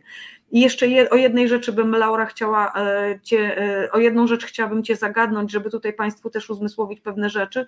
RPO apeluje też jakby i alarmuje w tym raporcie, o zaprzestanie praktyk w tych ośrodkach, które są uznawane po prostu za, za tortury. Jest specjalny urząd, który się tym w Polsce zajmuje i ten urząd też został zaalarmowany, ponieważ no, niektóre rzeczy, które się dzieją w tych, w tych ośrodkach, no, zgodnie z prawem można je po prostu definiować jako, to, jako tortury. Tak. E, no właśnie, Krajowy Mechanizm Prewencji Tortur, czyli ta nierozerwalna instytucja działająca przy RPO, e, która jak wiemy e, wykonuje tytaniczną robotę, szczególnie właśnie jeśli mówimy tutaj o ofiarach tortur, które uciekają ze swoich krajów. No tutaj nie mogę Państwu pokazać zdjęć, chociaż podejrzewam, że właśnie nie podejrzewam, tylko jestem pewna zdjęcia i to, co ja widziałam na własne oczy, to właśnie udowadnia i, i pokazuje to, że to faktycznie się dzieje. Ja na własne oczy rozmawiając z tymi osobami bardzo często widziałam blizny po torturach. E, po prostu te osoby, oczywiście niechętnie, nie od razu, dopiero kiedy się otwierały, podnosiły koszulkę i pokazywały blizny na brzuchu po torturach. E, opowiadały, jak widziały śmierć bliskich osób, e, które za to, że im pomogły, zginęły właśnie w tych torturach. I jeśli chodzi o te tortury, tutaj też musimy pamiętać o tym, że pewne granice, pewna odczuwalność danych rzeczy to nie jest jeden standard, można powiedzieć, dla każdej jednostki, dla każdego człowieka, e, tylko każdy z nas będzie odczuwać e, każdą rzecz e, w inny sposób. I jeżeli mówimy o osobach, które detencję znoszą bardzo źle, to ktoś może to odczuwać, jakby to dla niego był koniec świata i, i po prostu musimy to zrozumieć. Tak samo jak brak kontaktu z rodziną. Osoby, które strajkowały głodowo, a strajkowały głodowo, tak jak już mówiłam, ze względu, nie, nie, nie, tylko ze względu na złe warunki w ośrodkach, ale także właśnie za to, co się z nimi dzieje, decyzje o deportacjach, decyzje o nieprzyznaniu ochrony międzynarodowej, to wszystko e, było dla tych osób czymś e, nie do zniesienia i, i to właśnie przyczyniło się do tego, że zdecydowały się one protestować. E, mhm piszą do nas osoby, które mówią wprost, że jeśli dostaną decyzję o deportacji, a w ich kraju e, grozi im e, śmierć, bo były e, osobami, które działały aktywnie politycznie, były osobami, które należą do mniejszości seksualnej, etnicznej, tudzież narodowe, narodowej, jeżeli dostaną decyzję odmowną, kolejną decyzję odmowną bardzo często, czy też decyzję o deportacji, piszą nam wprost, że wolą skończyć swoje życie tutaj, aniżeli znaleźć się z powrotem w tym kraju. Więc e, tutaj e, no, chyba ta radykalna empatia pomaga zrozumieć to, jak e, przez co ktoś może przechodzić. I, I, wydaje mi się, że każdy z nas jednak nie, nie pojmie tego, jaka to jest skala. Ja też nie potrafię się utożsamiać z tym, co te osoby przechodzą. Mogę jedynie, ich, e, mogę jedynie tych osób wysłuchać, skierować e, właśnie do e, psycholożek i psychologów, wolontariuszy, ale nigdy nie zastąpię im tej pomocy, jaką właśnie jest ta profesjonalna pomoc, jaką jest kontakt z rodziną, jaką są odpowiednie warunki bytowe. I sytuacja, która najmocniej mnie uderzyła, to jest e, spotkanie, jedno z ostatnich spotkań, właśnie, właśnie w jednym z tych pierwszych ośrodków, które odwiedziłam, e, z uchodźcą, o którym usłyszeliśmy, że E, uciekł ze względu na prześladowania polityczne. Zresztą to nie był kraj e, bardzo, bym powiedziała, odległy od nas, nie będę mówić konkretnie, który ze względów bezpieczeństwa właśnie. Natomiast nasz krok kulturowy, o którym też zresztą ostatnio słyszy się wiele, e, i ta osoba zawnioskowała azyl polityczny, ta osoba po prostu oczekiwała pilnej pomocy. Więc spotkaliśmy się z nią już na koniec po prostu, bo też ciężko było ustalić numer tej osoby. To jest najważniejsze, też e, o tych numerach zaraz powiem, ale to był moment, w którym przede mną usiadł mój rówieśnik, 19-letni chłopak. I, I ja po prostu byłam w ciężkim szoku, że nastolatek, młoda osoba znalazła się w miejscu, które z psychiką dorosłych ludzi niejednokrotnie robi to, o czym właśnie słyszymy w tych raportach. I właśnie, numery. I to jest chyba ta największa kontrowersja. Mm, numery są przypisane do tych osób numery zastępują imiona. I e, kontrowersyjne porównanie, o którym mówiłaś, również wiąże się z numerami. E, Janina Bąk, e, znana blogerka, mówi o tym, że XXI wiek to nie jest okres, w którym ktokolwiek powinien nosić jakikolwiek numer. A ja niejednokrotnie słyszę, jak strażnicy zwracają się do tych osób po numerze, nie, nie po imieniu. I to jest sytuacja która mówi mi naprawdę wiele, która jest bardzo wymowna e, i też od tych osób słyszę, że nie znam historii Polski aż tak bardzo, ale wydaje mi się, że mieliście długą historię z opozami i mam wrażenie, że niewiele z nich wynieśliście, bo ja nadal jestem numerem w systemie. Także. Mhm. To jest ten kawałek o numerach. Tak, to jest, to jest o całkowitej dehumanizacji po prostu tych osób, które przebywają w ośrodkach. Ja jeszcze tutaj taką jedną rzecz chciałam e, dodać w odniesieniu do tych, do tych komentarzy. Co prawda są komentarze jednej osoby akurat tutaj dzisiaj, która ma po prostu e, ma takie przekonanie, że my trochę demonizujemy, że my trochę może przejaskrawiamy, jak źle jest w tych, e, jak źle jest w tych ośrodkach. Natomiast to jakby to nie chodzi o to, że to jedna osoba powiedziała, bo takie rzeczy, taka reakcja jest taka reakcja jest w ogóle w społeczeństwie, w momencie, kiedy ktoś konfrontuje się jakby z taką szokującą informacją, to jest bardzo częste wyparcie, tak? że trochę umniejszamy, że to na, trochę nie dowierzamy, że to na pewno nie jest tak źle. Proszę Państwa, to jest absolutnie e, uzasadniona jakby reakcja, ona jest mhm. powszechna, ona jest w tych mechanizmach e, obronnych człowieka tak głęboko zakorzeniona, że mnie to jak, znaczy w ogóle nie dziwi, i też e, jakby ja rozumiem, z czego to się bierze, natomiast absolutnie trzeba to, trzeba mieć tego świadomość i trzeba w związku z tym naprawdę te wiadomości, które gdzieś tam do nas szokujące napływają, weryfikować. Tak jak tutaj już wielokrotnie dzisiaj padło z mojej strony i Laury strony, to są wszystko rzeczy, o których pisze prasa. Trzeba po prostu poszukać tych informacji, bo one gdzieś schodzą na dalszy plan w związku z tym, co się dzieje, że jakby no, afera goni aferę i sytuacja dramatyczna, kryzysowa następują jedna po drugiej po prostu takie sytuacje w tej chwili w związku z wojną. Natomiast, e, natomiast te informacje są i jeżeli Państwo będą chcieli je wyszukać, to je znajdziecie. E, one być może nie pojawiają się na jedynkach w gazetach, natomiast one faktycznie już teraz, natomiast one się cały czas pojawiają. W Okopresie, e, gdzie nie ma nie ma subskrypcji, nie ma paywalla. Możecie Państwo o tych wszystkich obozach przeczytać, o tych wszystkich ośrodkach.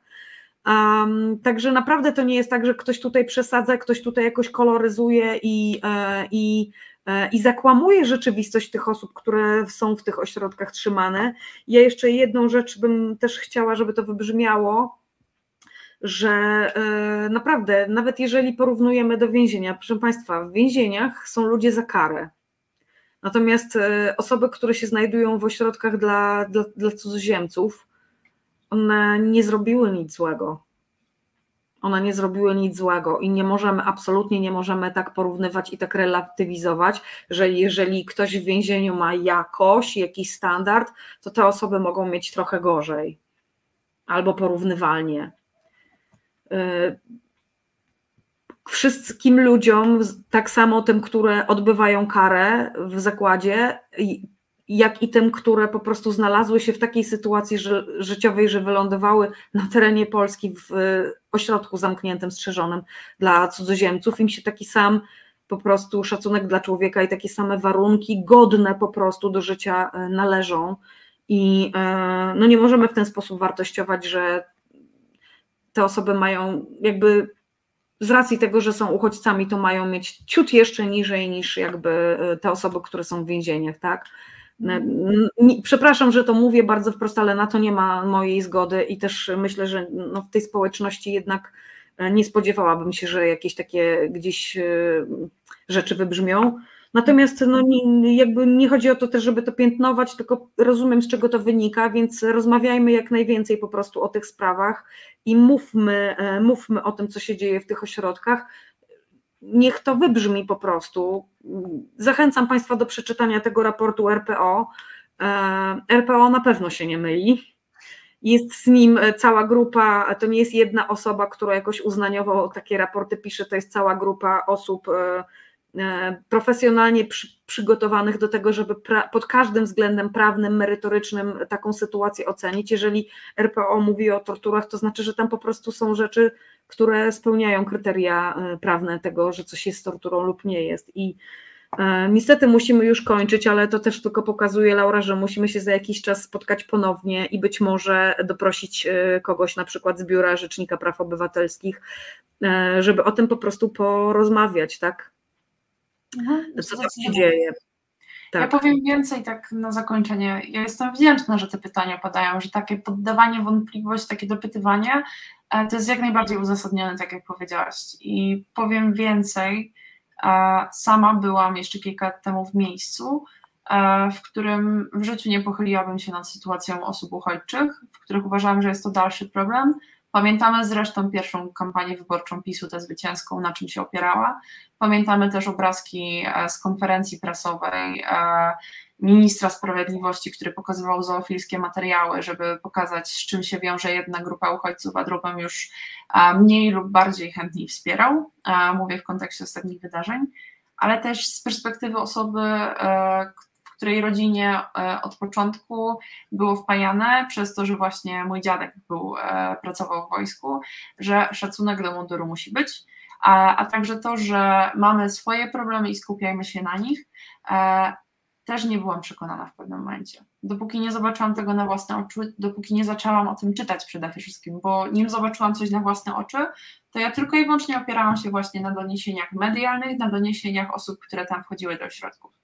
Tak więc to tak na podsumowanie. Ja też byłam w tym miejscu. Udało, jakby miałam to szczęście, że szczęście w nieszczęściu, że, że po prostu e, poznałam te osoby, ale zobaczyłam ten dramat e, osobiście. Tak więc mhm. tak na podsumowanie ode mnie. Mhm. Dziękuję bardzo, Laura, w imieniu osób, które tutaj dzisiaj nas e, oglądały, słuchały, za to, że ten czas nam poświęciłaś.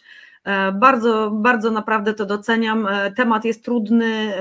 Wiem, że ty jesteś tutaj w biegu i w tym momencie jakby pomiędzy jedną akcją, drugą akcją ratunkową, więc naprawdę wielki szacun za to, co robisz, za to, że mimo wszystko jednak znalazłaś czas dla nas i, i, i to, co tutaj dzisiaj się też wydarzyło, proszę Państwa, w tej interakcji między nami, to jest mega ważne i bardzo to doceniam. E, bo to, teraz, to też pokazuje, które tematy tutaj e, jakby muszą wybrzmieć jeszcze na antenie i no naprawdę, proszę Państwa, rozmawiajmy, obywatelujmy razem i pomagajmy. A kto z Państwa będzie chciał jeszcze o coś podpytać, czy dowiedzieć się czegoś więcej, kontaktujcie się z nami i, e, i wrócimy do tego tematu jeszcze też poza programem na łączach. Dziękuję serdecznie. Dobrej nocy, Laura. Jeszcze raz szacun. To ja całą, moc, całą moc Ci przesyłam po prostu, która Ci będzie potrzebna po tym, po tym rajdzie i maratonie między, e, między lotniskiem a ambasadą. To ja dziękuję bardzo za to, że mogłyśmy obydwie nagłośnić ten temat i, i że to cały czas się dzieje. Także dziękuję bardzo i do usłyszenia. Do usłyszenia i do zobaczenia jeszcze raz, mam nadzieję. Dobrej nocy Państwu wszystkim też. Dziękuję.